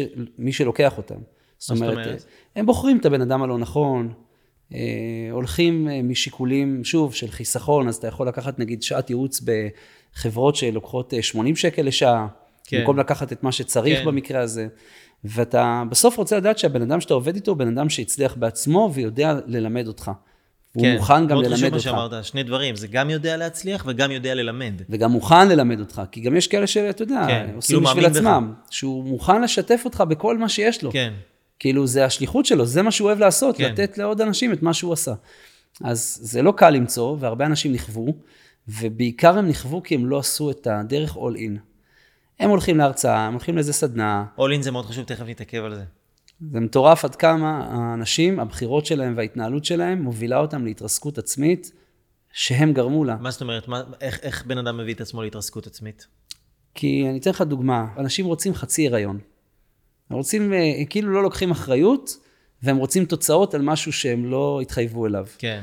אז הם הולכים אה, ושומעים תכנים חינמיים, וחושבים ששם התשובות. באים לאיזה הרצאה שבמאה שקל וחושבים ששם הם השתנו להם החיים מקצה לקצה. כן, הם לא מבינים את המשמעות של אותה אה, פגישה, של אותה הרצאה. בן אדם מגיע לפגישה אסטרטגית, מצפה לקבל את הסודות וזה, ואז כן. יוצא ממנה, אומר, אומר, שמע, לא למדתי כלום. אם לא למדת, זה כבר אומר שאי אפשר ללמד לך שום דבר, כי אם ישבנו שעתיים ו- כן. ולא למדת כלום, אז אתה כבר לא, לא בן אדם שאפשר לעבוד איתו. אבל uh, הם מקבלים את זה ואז הם הולכים ליישם בעצמם. הרי כל הרעיון זה שבן אדם בא, חושף אותך לאיזה ידע, בסוף צריך ללמד אותך את רזי המקצוע. כן. אני אתן לך דוגמה, אני נגיד ראיתי סרטון ביוטיוב, איך להדליק אש מעצים. ככה, בטכניקה הזאת של פעם. וזה נורא הדליק אותי, אני נורא אוהב את הטבע וזה, ואחד מהדברים שאני עושה בשביל עצמי בהתפתחות האישית, זה כל הזמן לרכוש כלים, איך לשרוד בכל סיטואציה, לא משנה מה קורה, והקורונה היא, בגלל זה גם הדליקה אותי כל הסיטואציה הזאת. אז אה, ניסיתי להדליק אש בעצים. הסתכלתי ביוטיוב על סרטון, ראיתי בניישנל ג'אוגרפיק איזה תוכנית, אתה רואה חמש דקות, בן אדם מרים לך מדורה, ככה, מכלום. אמרתי, טוב, בוא נלך ננסה את זה. שבוע ראשון, חזרתי עם חתכים בידיים, שבוע שני, נחנקתי מהעשן, שבוע שלישי, שבוע רביעי, ש... לא מצליח, בוא נ... תשמע, לא מצליח. ארבעה חודשים ועשרה ימים לקח לי להצליח. עכשיו, אם היית מסתכל על צילום של סט הכלים שהיה לי ביום הראשון, וסט הכלים שהיה לי ביום הארבעה חודשים ועשרה ימים, על פניו, מהצד, זה נראה אותו דבר. לא למדתי כלום.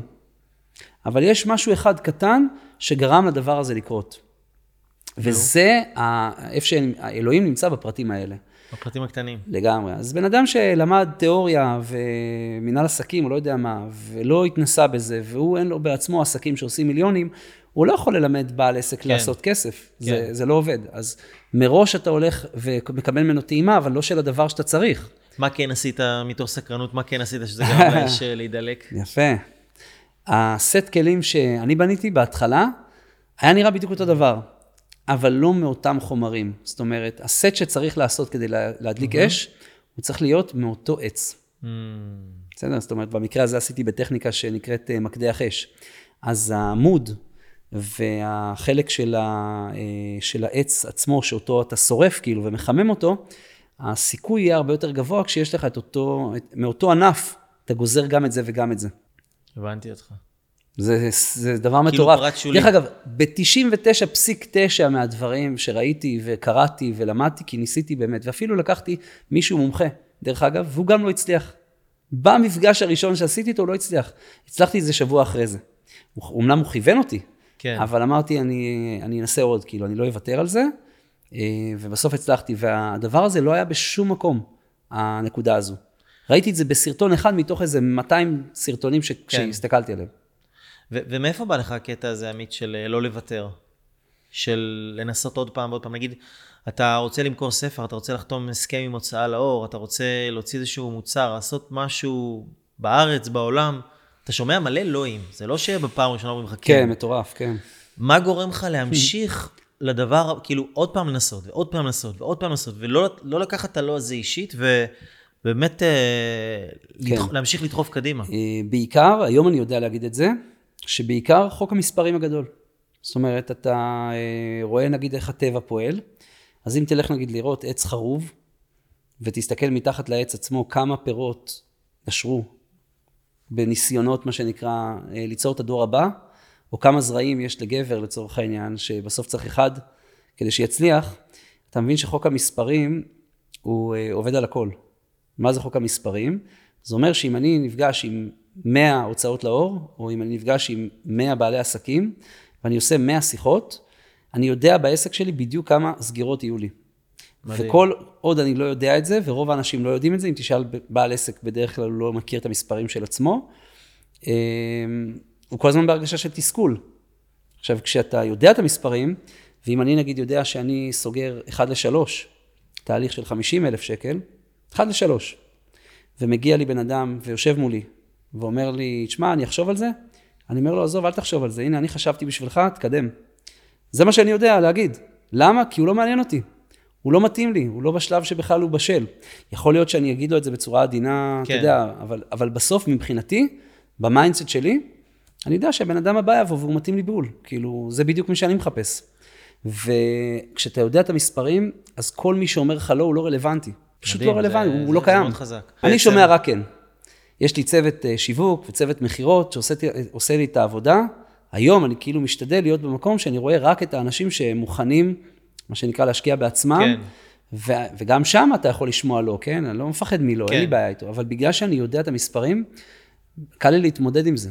אז אני אומר, חוק המספרים זה בעצם שאם פונים למשל לקבוצה מסוימת של אנשים, עשרה אנשים, אז סטטיסטית, חלק מהאנשים יגידו לא, וחלק מהאנשים לא יגידו חלק. כן. 90 אחוז יגידו לא בערך. 90 אחוז יגידו לא, ו-10 אחוז יגידו... 90 אחוז, גם אתה תגיד לא.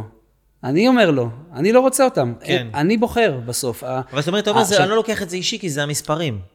תראה, אני באופן אישי מאוד אוהב שיתופי פעולה. מאוד אוהב לעשות, אה, אין לי, אין לי מתחרים, כאילו, בראייה שלי. יש מישהו בתחום שלי, אני מעדיף למצוא חיבור איתו, והרבה פעמים אתה מגלה שרובם לא מתאימים. זאת אומרת, בהתחלה הייתי עושה הרבה מאוד שיתופי פעולה, אבל בסוף אתה מגלה שגם כשאתה רוצה לעשות, אנשים לא ב state of mind שלך. אני אתן לך דוגמה, אתה רוצה לעשות שיתוף פעולה, בן אדם אומר, טוב, כשיהיה לי מישהו אני אפנה אליך, או שאתה תפנה אליי. ואני לא עושה שיתוף פעולה ככה, אני עושה שיתוף פעולה all in. כאילו, אני לא נכנס כדי להתנסות, אני לא מנסה, אני, אני מצליח. כן. אז כשאני בא למישהו ואני אומר, בוא נעשה שיתוף פעולה, אני אומר לו, תקשיב, אני רוצה שהשיתוף פעולה הזה יכניס, סתם דוגמה, מיליון שקל לשנה. אתה, אתה מוכן או לא מוכן? זאת אומרת, יש לזה משמעות למוכן או לא מוכן. כן. ואם הוא לא שם, אז אני מראש יודע לסנן אותו, הוא, הוא, לא, הוא לא מתאים. אז בתפיסה שלי, אני לא רוצה את כל הלקוחות.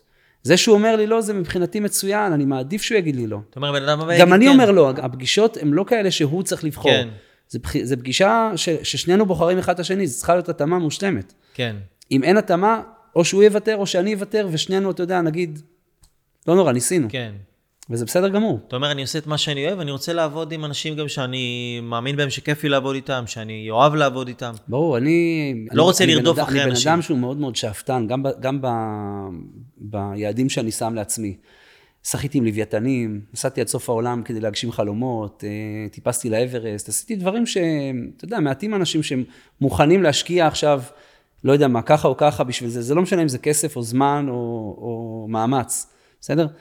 אז כשאני פוגש בן אדם ואני רוצה לכוון אותו לעסק שמכניס נגיד מיליון שקל בשנה, אני לא מחפש בן אדם שאומר לי, אני רוצה לחשוב על זה. זה לא בן אדם שמעניין כן. אותי לעבוד איתו. הוא כי... לא יעשה מה שצריך לעשות בשביל להגיע לשם. בדיוק, אני לא רוצה לעבוד איתו. אי אפשר לקחת אחריות גם על מישהו כזה שהוא לא all in. לגמרי, זה בן אדם שכל הזמן אני אהיה איתו בשיחות של בוא נחשוב על זה אם בכלל כדאי. אה, כל הזמן הוא יורד לי, החלק המנטלי שלו, אני צריך להתמודד הרבה עם המנטלי, כן. ולא על העשייה הטכנית כן. של מה צריך לעשות. כן, גרד אותו עם שפך עכשיו, אני לא רוצה לקחת איתי למסע לאברסט בן אדם שבאמצע הדרך יגיד לי, תשמע, אני רוצה לרדת. אני לא הולך לרדת. אני מחפש את הבן אדם שאני אגיע איתו לפסגה הזאת. כן. אז מי שבאמצע, אני קולט ממנו שהוא לא ב vibe הזה, אני אומר לו, עזוב, עזוב, אני, אני קולט, הכל טוב. כן. זה לא בשבילך. אני מעדיף להגיד את זה, זה גם אינטגריטי כן, שלי. נכון. כי אני רוצה הצלחות, אני לא רוצה כן. אנשים שהם לא, לא מחויבים. אז אם בשלב הזה הוא צריך לחשוב, כשאני אגיד לו, תעשה את זה ואת זה, אז הוא יתחיל לחשוב ויעכב את התהליך, כן. אז אני גם ככה לא אגיע איתו ליד, כן. אז מראש, בוא נוותר. כן. אז המספרים שצריך להסתכל עליהם זה לא ה-90 אחוז. זה החמישה אחוז, זה השלושה אחוז, זה האנשים האלה, אותם אנחנו מחפשים. כל השאר לא מעניינים אותי. ואתה אומר, בעצם חוק המספרים, זה אם אני אדבר עם כמה שיותר אנשים, אז יהיה לי יותר מה-90 אחוז, אבל יהיה לי גם יותר מה-10 אחוז. זאת אומרת, אני אפגע הם, יותר. אחוזים הם פסיכיים. פסיכיים. אני מפרסם, עושה פרסום ממומן, שם עשרת אלפים שקל. מגיע לעשרות אלפי אנשים שרואים את המסר שלי. מתוך העשרות אלפי אנשים, נגיד שלצורך העניין אני מפרסם כנס, מעשרות אלפי אנשים, נרשמים 200 אנשים. לכנס. לכנס. נרשמים, שמים שם, אומרים שהם באים, כאילו לצורך העניין מתחייבים. Mm-hmm. בפועל, אתה מכיר את זה, בסוף, כמה יגיעו לכנס? 80, 60, מעשרות אלפי אנשים הגיעו 60. מתוך ה-60, כמה אנשים התחייבו לעצמם וייכנסו לאיזה, לא יודע, נגיד סתם דוגמה, יקנו את מה שאתה מציע? עשרה? עשרה, משהו כזה, נכון. ומתוך העשרה האלה, כמה יצליחו? שניים, שלושה. נכון. עם אלה אתה רוצה לעבוד. עם כל העשרה שרוצים לקנות, אתה לא בטוח אני רוצה שהם, אה, לא רוצה למכור. לא בטוח. אני רוצה את האנשים האלה, את ה... לזהות כן. אותם מבין כל האחרים. כל האחרים, אתה יודע, יכול להיות שהם בפעם הבאה יהיו יותר בשלים, יכול להיות שהם יקראו כן. את הספרים ויתרשמו, יכול להיות שהם יקנו איזה משהו קטן שיבשיל אותם. וזה יכול... אגב נכון לכל תחום, זאת אומרת, אם מישהו או מישהי רוצים לצאת להכיר, לפגוש את בן או בת הזוג שלהם, אז צא לכמה שיותר היכרויות, תפגוש, הרבה מזה יהיה לא, חלק מזה יהיה כן. לגמרי, נכון. ואתה ו... צריך רק אחד, רק אחת. רק אחד, נכון, נכון. הסיכוי הוא מאוד גבוה אם תעשה את ההתמדה, ולכן אני בעולם שלי לא חווה הרבה כישלונות, כי אני מספיק מתמיד כן. כדי להגיע להצלחה. אתה עסוק בעשייה. עסוק כן. בעשייה. נכון. מדהים, ו- ודיברנו מקודם, עמית, על all in. מה זה all in? זה מונח שלקוח מעולם הפוקר. נכון? ש... לא יודע. כן, זה... זה, זה... הנה למדתי משהו. מה זה אומר? all in זה שמישהו עכשיו אה, יש לו קלפים ביד, ויש לו תחת... אה, הוא שם את כל מה שיש לו. שם את כל הז'טונים שלו על ה... שורף את הגשרים. הוא לא שורף את הגשרים, כן. אין לו, אין לו יותר... אה, אין לו, הוא לא שומר לעצמו שום דבר אה, כן. ברזרבה. זה בפוקר. איך כן. אתה רואה את זה בעולם העסקים, בעולם האישי? אז אני אתן לך עוד ככה, מעולם תוכן אחר, נגיד הפרקור. אתה מכיר את האומנות הזו? לא. ש... אה, שמעתי על... פרקור זה מה שנקרא ספורט, זה סוג של ספורט רחוב כזה. אוקיי. שהמשמעות בצרפתית זה ללכת כאילו דוך אל המטרה בדרך הכי קצרה. אוקיי. זאת אומרת, נגיד לצורך העניין, אני רוצה לכבוש את היעד הזה, ובדרך יש לי כל מיני מכשולים. יש לי פה במקרה הזה מולי שולחן, יכול להיות כאן איזה, לא יודע מה, איזה בור, איזה מדרגות, איזה חלון, איזה קיר, לא יודע, כל מיני דברים. ובפרקור אתה בעצם, לא מעניין אותך מה יש, אתה עובר בתוך זה. Mm. כאילו המשמעות של הדבר, זה, זה אלה שקופצים על הגגות. כן, כן, כן, ממעקב, כן, כן, ועולים כן, על כן. כל מיני... יש את זה הרבה ביוטיוב. כן, עושים מרדפים, כן. ואנחנו רואים את זה בסרטים של ג'קי צ'אן, וכל כן. הדברים האלה. זה אנשים שהם קופיפים כאלה, אתה יודע, הם כאילו... עכשיו, אני מאוד אוהב את זה, את הספורט, uh, ובאופן כללי את הדברים האלו. וברמה של האתגרים, all in מבחינתי זה כאילו הגדרת יעד, מה זה משנה איזה דברים יהיו? בגלל זה נגיד הרבה פעמים שאני מדבר עם בן אדם ואומר לו, אוקיי, אתה רוצה להגיע ליעד הזה? אתה מוכן להתחייב? ואז השאלה שהוא שואל אותי, תגיד, מה זה דורש ממני? כן. אתה יודע מה התשובה? מה? הכל, כל מה שצריך, לא יודע מה זה דורש. יהיה אתגר, אתה תעלה פוסט. דורש שתשים אף... את כל מה שיש לך. לא, לא מעניין אותי מה נעשה, אנחנו נגיע ליעד. כן. זאת, זה all in בשבילי. ואנשים תמיד רוצים לחסוך. כאילו, אני לא רוצה לגמור את כל האנרגיה שלי, אני לא רוצה לגמור את כל הזמן שלי, אני לא רוצה לגמור את כל הכסף שלי, אני רוצה שיישאר לי משהו ברזרבה. אז כאילו מי שומר ברזרבה... לא, זה בסדר, זה... לעשות את זה חכם ונכון זה אבל בסדר. אבל נגיד שקנית את העסק... אגב, זה, זה שאנחנו הולכים לתת את המאמץ המקסימלי כדי להגיע ליעד, זה לא אומר שאנחנו נפשוט רגל בדרך. זה ממש לא, לא, לא, בטוח. זה לא המשמעות. אבל, אבל קנית, כשקנית את העסק של הבחור ההוא עם האלפי, מאות אלפי, עשרות אלפי מוצרים. מאות אלפי, כן. מאות אלפי מוצרים אה, משרדיים ודברים כאלה. זה עולין. זה, זאת אומרת, שמת, אמרת ששמת את כל מה שהיה לך. כמה כסף קנית את הדברים האלה? מאות אלפי שקלים. שזה כל מה שהיה לך אז, ואתה אומר, אני שם את הכל, אין, לא נשאר לי כלום. כן, וזה עוד היה אחרי, ש... אחרי שכיסיתי מח... את המאות אלפי שקלים שהוא היה חייב לי. זאת אומרת, שמתי כאן הרבה כסף שלא, אה, שאני לא אפסיד. זאת אומרת, כן. זה הגיע לא מהמקום הזה, מהמקום שאני לא, אין שום מצב שהבן אדם הזה, בגלל שהוא נפל, הוא יהרוס לי את המותג. ואמרתי לעצמי, אם אני לא קונה את זה, זה מתחיל, אתה יודע, אה, להתפזר בכל מיני מקומות ושורף לי את השם. כאילו, אתה אומר, אני אהיה מושקע במותג שלי. אני מאמין, אני כבר יודע שמכרתי, אני, אני אלך לעשות מה שצריך ואני ארוויח מזה. ואם בן אדם לא מאמין בעצמו, במותג שלו, בעסק שלו, מה הוא יכול לעשות כדי להתחיל? לסגור את העסק, אה, לחפש, אה, אתה יודע, דברים שהם אחרים, זה לא, זה לא בשבילו. איך הוא יכול לעורר, הוא יכול לעורר את האמונה שלו? הוא יכול כאילו לעשות פעולות ש... יגרמו לו יותר להאמין במשהו? יכול להיות שהוא לא מאמין בגלל פסיביות? יכול להיות, קודם כל יכול להיות שהוא במסגרת הלא נכונה. אה, הרבה פעמים, נגיד, אני שומע על יועצים עסקיים שאומרים למישהו, תשמע, את זה אתה לא יכול לעשות. אה, משפט, אה, אתה יודע, מסרס. יכול להיות שבסביבה הקרובה שלהם הם נמצאים בסביבה ש, של אנשים שמקטינים אותם. יש לי לקוחה שאני עובד איתה שלושה שבועות, ואני חווה ממנה חוויה מאוד קשה, למרות שהיא גדלה בצורה משמעותית בהכנסות בשלושה שבועות האלה, רק מהסיבה שיש לה מישהו שכל יום נותן לה בראש, מה שנקרא, וממקד אותה לגבות כסף נגיד. כן. או אה, לעשות הסכם, כאילו שיהיה חתימה, שלא, שלא טוב, יאללה, בסדר, נראה. אתה יודע, לעבוד בצורה כן. עם נהלים מסודרים. ולמרות שהיא הצליחה בשלושה שבועות האלה לעשות דברים מדהימים, קשה לה מאוד לפרגן לעצמה. היא כאילו כל הזמן מלכת עצמה, כל הזמן אה, אה, בהרגשה שהיא לא עושה מספיק, כל הזמן היא בפחדים. בחששות, אתה יודע, אה, מה יהיה. היא לא רואה את הדברים, אה, זה. עכשיו, למה זה קורה? שאלתי אותה. אז היא אמרה לי, תקשיב, אף אחד לא מאמין בי. אף אחד לא מאמין בה. אז אתה יודע, יש מה שנקרא החוק הממוצע, אנחנו ממוצע של מי שאנחנו מסביבו. אז תחליפו סביבה, כאילו, יכול להיות שאתם לא בסביבה הנכונה, זו סביבה מעצימה. יכול להיות שאתם חושבים שאתם נגיד עושים עבודה כל היום ואתם נותנים את המקסימום שלכם, וזה בכלל לא קרוב למה שאתם מסוגלים לעשות. כן. אז תעשו שינויים קטנים לפעמים, הם יעשו uh, הבדלים מאוד גדולים, אם אתם תלכו לכיוון הנכון. כן.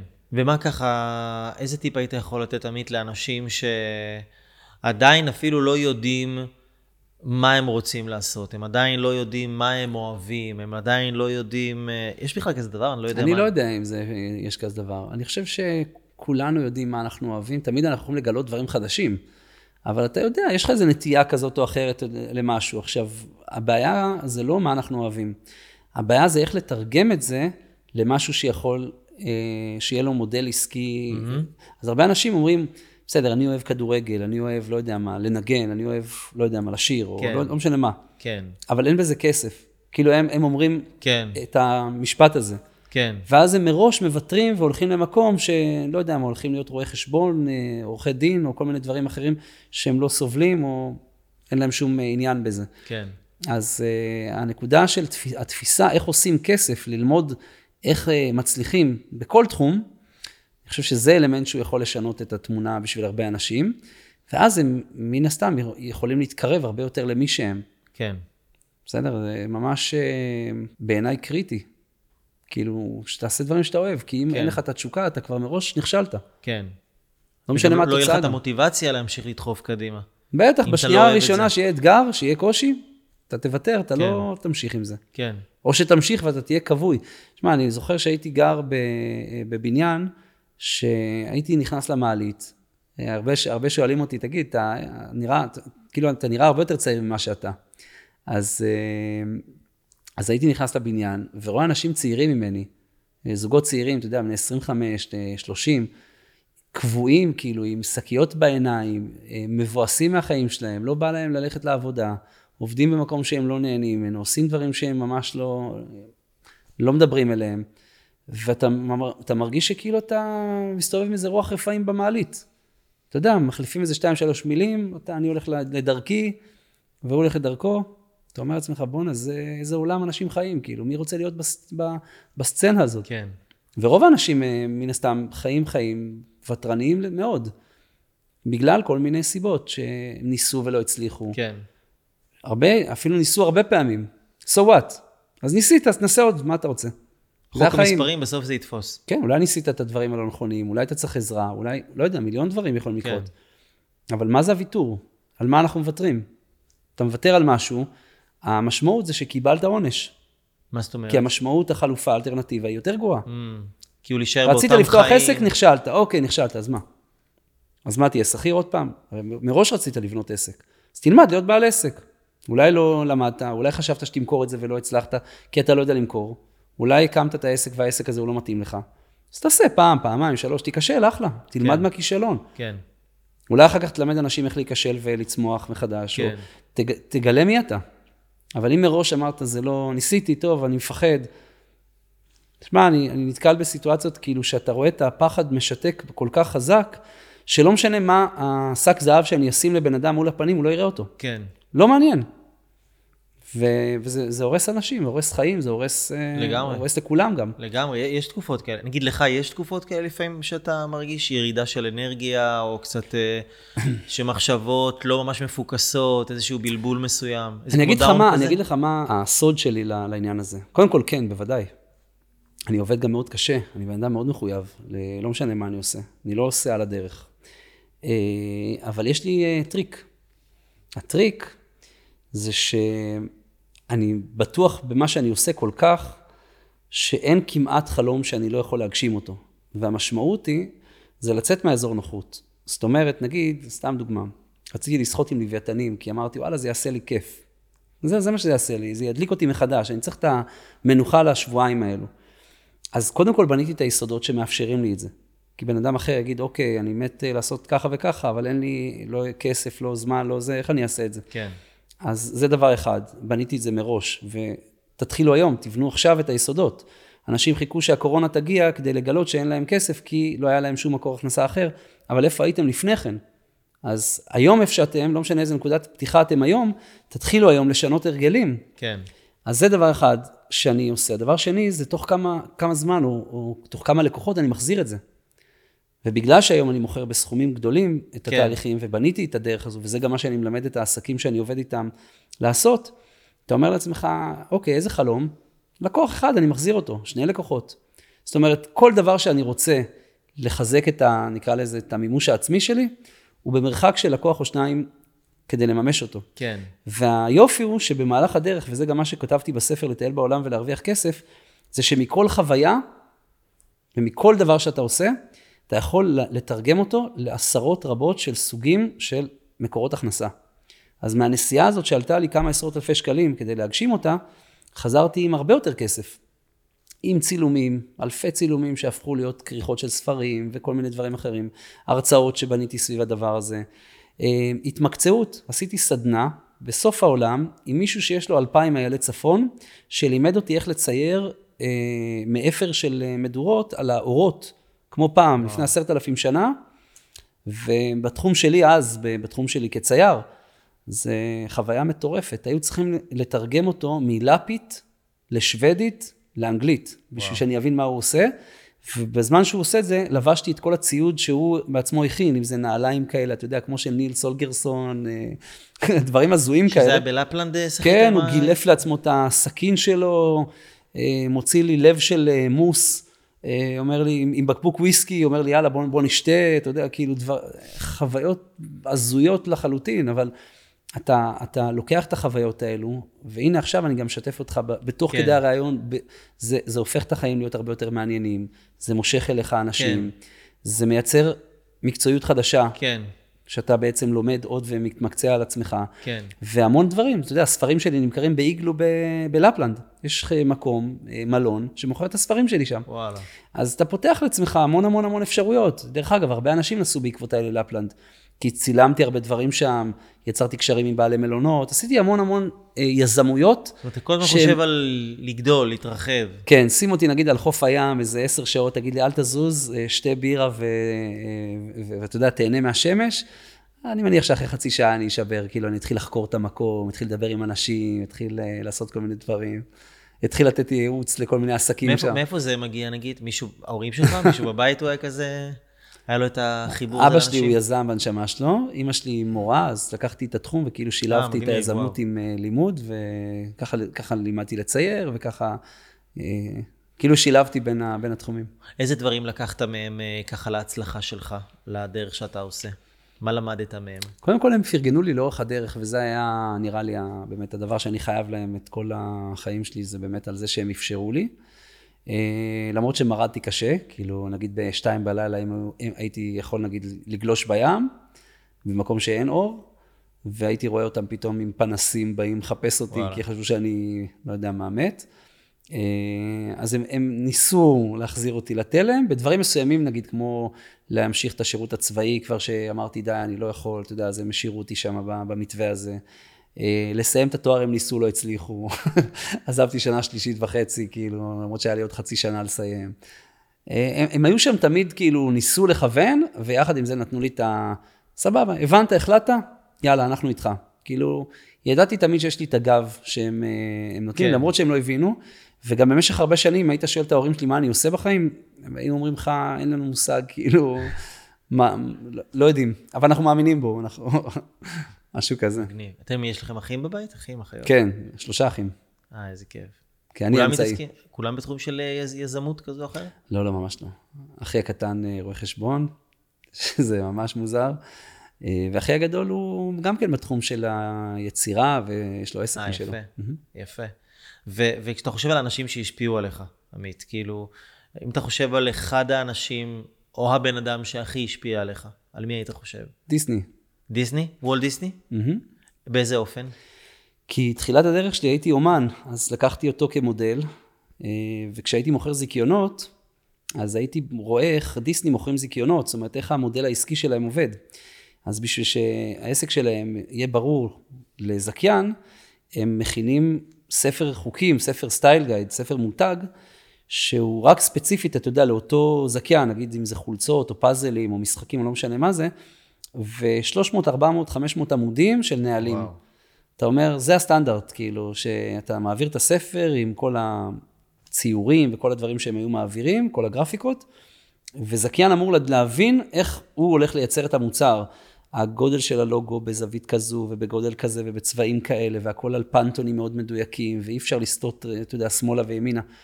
אז ברמת ה...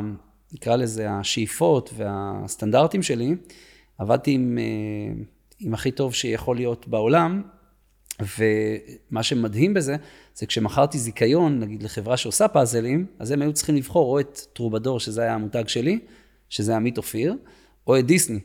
והפער ביניהם לא היה כל כך גבוה מבחינת המחירים. זאת אומרת, אה, נגיד זה עלה 50 אלף יורו, וזה עלה, לא יודע מה, נגיד 40 אלף שקל, או משהו כזה. אבל מבחינת אחוזים, זה נגיד המקדמה, אז דיסני הם מקבלים יותר, מבחינת אחוזים היינו על אותם אחוזים. זאת אומרת, בלונגרן הייתי מקבל את מה שדיסני מקבל.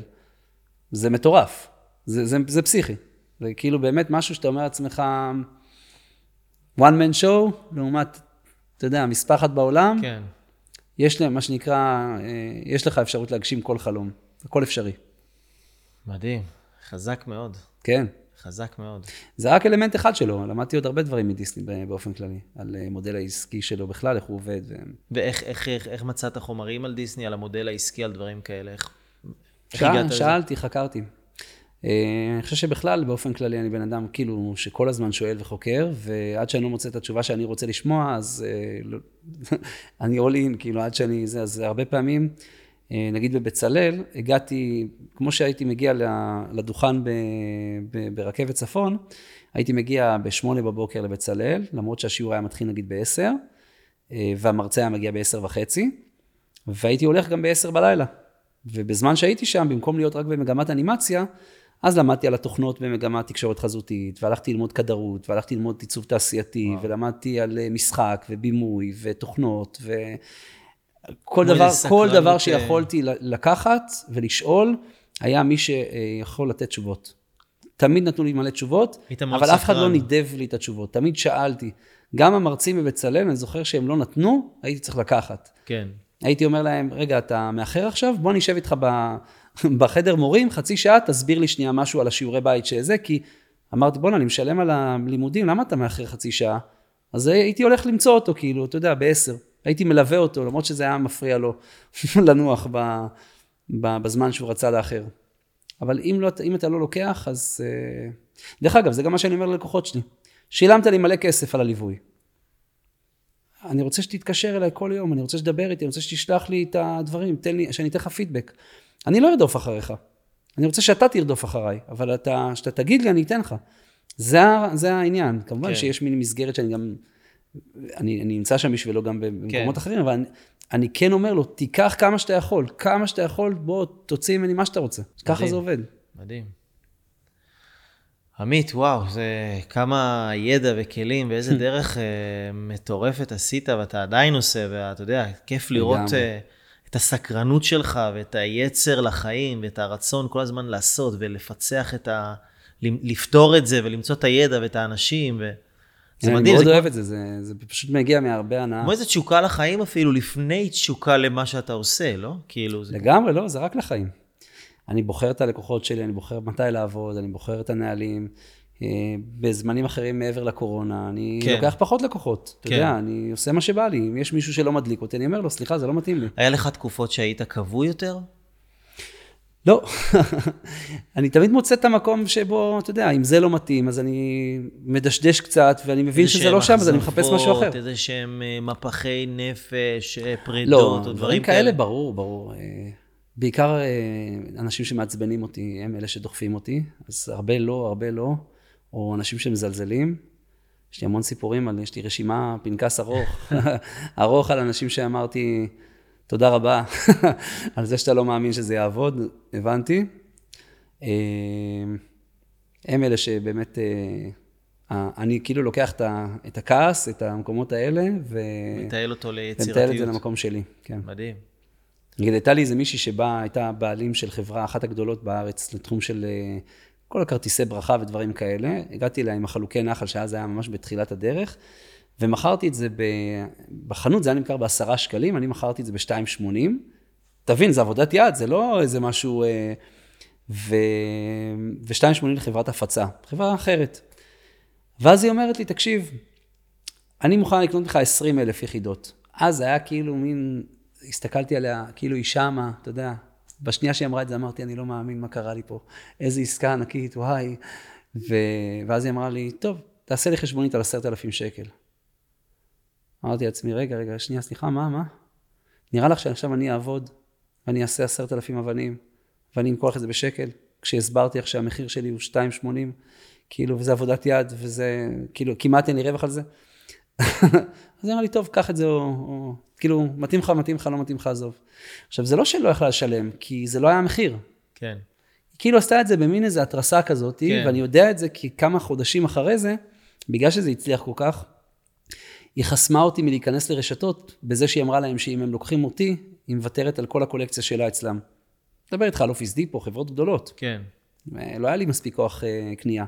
זאת אומרת, היא כאילו ביטלה אותי, רצתה לקנות אותי בזול כדי להשתיק אותי, וניסתה לתת לי תחרות מהצד השני, כי היא ראתה שהיא לא יכולה לעצור אותי. כן. אז זה מה שנקרא היה לפני 15 שנה, 20 שנה, כמעט. וואלה, יושב לי כאילו זה היה לפני רגע. נראה את האישה הזאת, אתה יודע, אם אני אראה אותה היום, אני אגיד לה, תראי, תראי מה עשיתי בחיים. עזבי אותך. ויתרתי על העסקה הזאת, אבל זה באמת כאילו מסוג הדברים שאתה אומר לעצמך, עם הדרייב הכי הכי גדול, של הזלזול שמגיע עם, אה, תעשה עסקים טוב, תעשה עסקים כן. ממקום של, תרוויח גם, כאילו, תני, תני לבן אדם שעובד איתך להרוויח, למה צריכה להיות כזאת... אה, לא לקחת את זה אבל למקום של להילחם איתה או משהו כזה. לא יכולתי, אתה יודע, הייתי במקום אה, כן. שהיה לי מוצר אחד, והיא 20 שנה בשוק, והיא קונה אותך. כן. אתה יודע, זה מרגיז. כן. זה מחמיא מצד אחד, מצד שני אתה אומר, אוקיי, אבל זה, זה, זה לא ממקום של להחמיא, כן, זה מקום כאילו של, הרבה, הרבה ממקום של ש... לבלוע אותך כן. ולשתק אותך.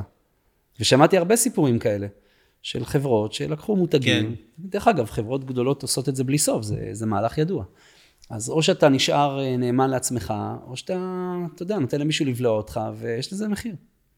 אז יש כאלה הרבה, שניסיתי וזה, ואמרו לי, אתה אחלה וזה, אבל מאחורי הקלעים עשו דברים אחרת. אה, וזה נתן לי drive, נתן לי drive.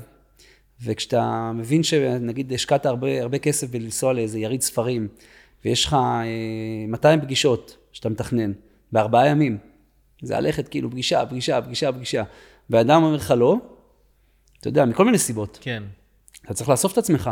אחרי שלוש-ארבע כאלה, מישהו אחר היה קופץ מהגשר, ואתה צריך כאילו להגיד, אוקיי, אבל בביתן הבא אין קשר בין העסקה הזאת לעסקה הזאת. נכון. אם אני אבוא שוב מסודר, עם חיוך, נכון. תאמין בעצמך, זה יכול להיות מעבר לקיר עסקה אחרת לגמרי. נכון. ואז, ואז אתה מזכיר את החוק של המספרים. משם אני יודע את הדברים. 200 פגישות... אתה כל הזמן מזכיר לעצמך? 200 פגישות, עסקה אחת, שתיים, שלוש, זהו. וזה מספיק? עשרות לידים, אחת תיסגר. אחת טובה, אחת משמעותית. זאת אומרת, אני אעשה עד שזה יקרה. לא משנה מה, אני אעשה עד שזה יקרה, ואם אני אעשה מספיק, זה, בסוף זה יקרה. כן, ויחד עם זה, אתה כל הזמן משפר. זאת אומרת, אה, היום אני יודע שבמקומות מסוימים, אני לא צריך אחת מתוך 200, אני יכול ללכת נקודתית למשהו שהוא הרבה יותר כן. קל לי לעבוד. כן. אה, אז אני כל הזמן משפר ביצועים, אני לא נמצא באותו מקום ובאותן סטטיסטיקות, אני לומד להכיר את המספרים, טורף את הקלפים ומייצר זהות חדשה בהתקדמות הזאת. בסדר? אני אתן לך דוגמה נגיד בנדל"ן, אתה יכול להרוויח, אה, לא יודע מה, 8 אחוז, 8 אחוז, 8 אחוז, עד שאתה תבין שאתה יכול גם לעשות 20 אחוז. אז נגמר ה-8 אחוז, עכשיו אתה ב-20 אחוז. או נגיד, אה, לא יודע מה, בנושא של פיתוח של מוצרים. אז אתה יודע לייצר ספר בחודש, ספר בחודש, ספר בחודש, עד שאתה, עד שאתה לומד לעשות את זה עשרה בחודש. אתה בונה את המערכת, אז זה לא אותם חוקים. כן. אז אם הגעת לפגישה היום והגעת לפגישה אחרי שלוש שנים, זה לא אותם חוקים. אז אתה, אם אתה מגיע כבר מראש עם, אתה יודע, עם ההרגשה שלא השתנה כלום, זה ייראה אותו דבר. אבל אם אתה תבין שהדברים משתנים, דברים שהיו פעם נראים לי בלתי אפשריים, פתאום אתה מסתכל על זה, אתה אומר, כן. וואי, איזה יופי, מה קרה פה? זה, זה כללי מדי, אני יודע, אבל אבל אה, סיטואציות משתנות ואתה משתנה, ואתה לא יכול לבוא לאותה סיטואציה עם אותן הנחות יסוד. בסדר? זה כמו שנגיד אתה מעלה פוסט, יכול להיות שאותו פוסט, אתה תעלה אותו פעמיים, פעם אחת יהיו על זה אפס תגובות, ופעם אחרת יהיו על זה 200 תגובות. זאת אומרת, אותו דבר, עשית את אותו דבר, אבל משהו שם השתנה. אולי בשעה של הפוסט, אולי, ב, ביום שפרסמת, אולי אה, מישהו הגיב ואז זה יצר תגובת שרשרת. כן. אני לא יודע למה, כן? יש, יש לזה המון המון המון סיבות. אבל אם אתה מגיע, אה, ת, תמיד נותנים את הדוגמה הזאת, אה, תור, וזה גם דיסני אמר, אני, אה, אני חושב, שאם אתה עושה את אותם דברים... Mm, איינשטיין, כן. איינשטיין, איינשטיין. שאם אתה עושה את, את אותם דברים, אתה מטורף כאילו. כן. אז אני אומר, לא, זה לא נכון, זה פשוט משפט לא נכון, בעיניי. כי יכול להיות שאתה עושה את אותה פעולה, בפעם הראשונה היא תראה לך אה, כאילו זה לא עובד, וזה לא עובד, וזה לא עובד, עד שזה יעבוד. יכול להיות עם שינוי קטן או כן. כל מיני דברים, אבל אפילו כמו שאמרתי, אותו פוסט, אבל שינוי קטן שהוא בכלל לא, לא ניכר לעין. כן. מייצר תוצאות כן. אחרות לגמרי. אז אם אתה תבוא עם גישה, תשמע, אני מפרסם בפייסבוק ואף אחד לא מגיב, אז זאת התוצאה שתקבל. כן. חזק מאוד, חזק מאוד, עמית. אני אלך, פעם הבאה אני אעשה ראיון עם איינשטיין, אני אתעמת איתו על העניין הזה. אתעמת איתו על העניין. כן. תגיד, אם היית יכול לפגוש אה, בן אדם אה, שחי אי פעם בהיסטוריה. את איינשטיין, הייתי מתעמת איתו. היית עושה איתו שיחת... אה, לא, לא, סתם, צוחק. הייתי רוצה לפגוש את דיסני. דיסני? בהחלט. לארוחת ערב כזה? וואו, וואו. מה היית שואל אותו? כשאני הולך לירידי ספרים ואני רואה מישהו מהצוות של דיסני מצייר, אני יכול לשבת, כאילו, לעמוד בתור של הילדים, הילדים בני שלוש, שבאים שהוא יצייר להם ויחתום להם. יכול לשבת שם שעתיים, כאילו, ו... ולהתרגש מזה כמו, כמו ילד. בהחלט. מה היית שואל את uh, דיסני? וואו, מלא שאלות. מלא שאלות. הייתי אבל רוצה בעיקר uh, שהוא ידבר, כאילו, אפילו לא הייתי שואל אותו שאלות, רק, שרק ידבר. בוא נראה מה הוא יגיד. אני אפילו לא יודע מה לשאול אותו. ועוד uh, מאה שנה כזה, שאתה מגיע לשערי גן עדן. אוקיי. ואלוהים מקבל אותך. אתה אומר, בוודאות אני בגן עדן? זה מובטח? לא, אני לא רואה סיבה שלא. אלוהים מקבל את פניך, איך הוא מקבל אותך? עכשיו באת, אני יודע. חיכיתי לך מלא זמן. אה, אה, תעזור לי לכתוב ספר? לא יודע. תסביר לי איך אני סוגר את הפינה של הציור הזה של הכלב. כן. וואלה, לא יודע. הלוואי שאני אגיע למקום טוב. בעיקר אה, באמת חשוב לי לעשות דברים שהם אה, משמעותיים, זאת אומרת, יש כן. לי אג'נדה חברתית מאוד גדולה בעסק. אה, בניתי 200 טיולי התנדבות בכל מיני מקומות בעולם, ואני משלב את זה גם עם עסקים וגם עם כתיבה של ספרים וגם עם כל מיני דברים שמשלבים, כן. אתה יודע, חשיבה על, על אורח חיים, על לייפסטייל, על לעשות טוב בעולם. כן. אז אני מקווה שאני עושה מספיק טוב, ותמיד אני מנסה להשתפר. מדהים. עמית, וואו, זה היה רעיון אה, סופר חשוב ומחזק ומסביר המון המון עקרונות של הצלחה, שאני בטוח שכל בן אדם שהקשיב לזה ו...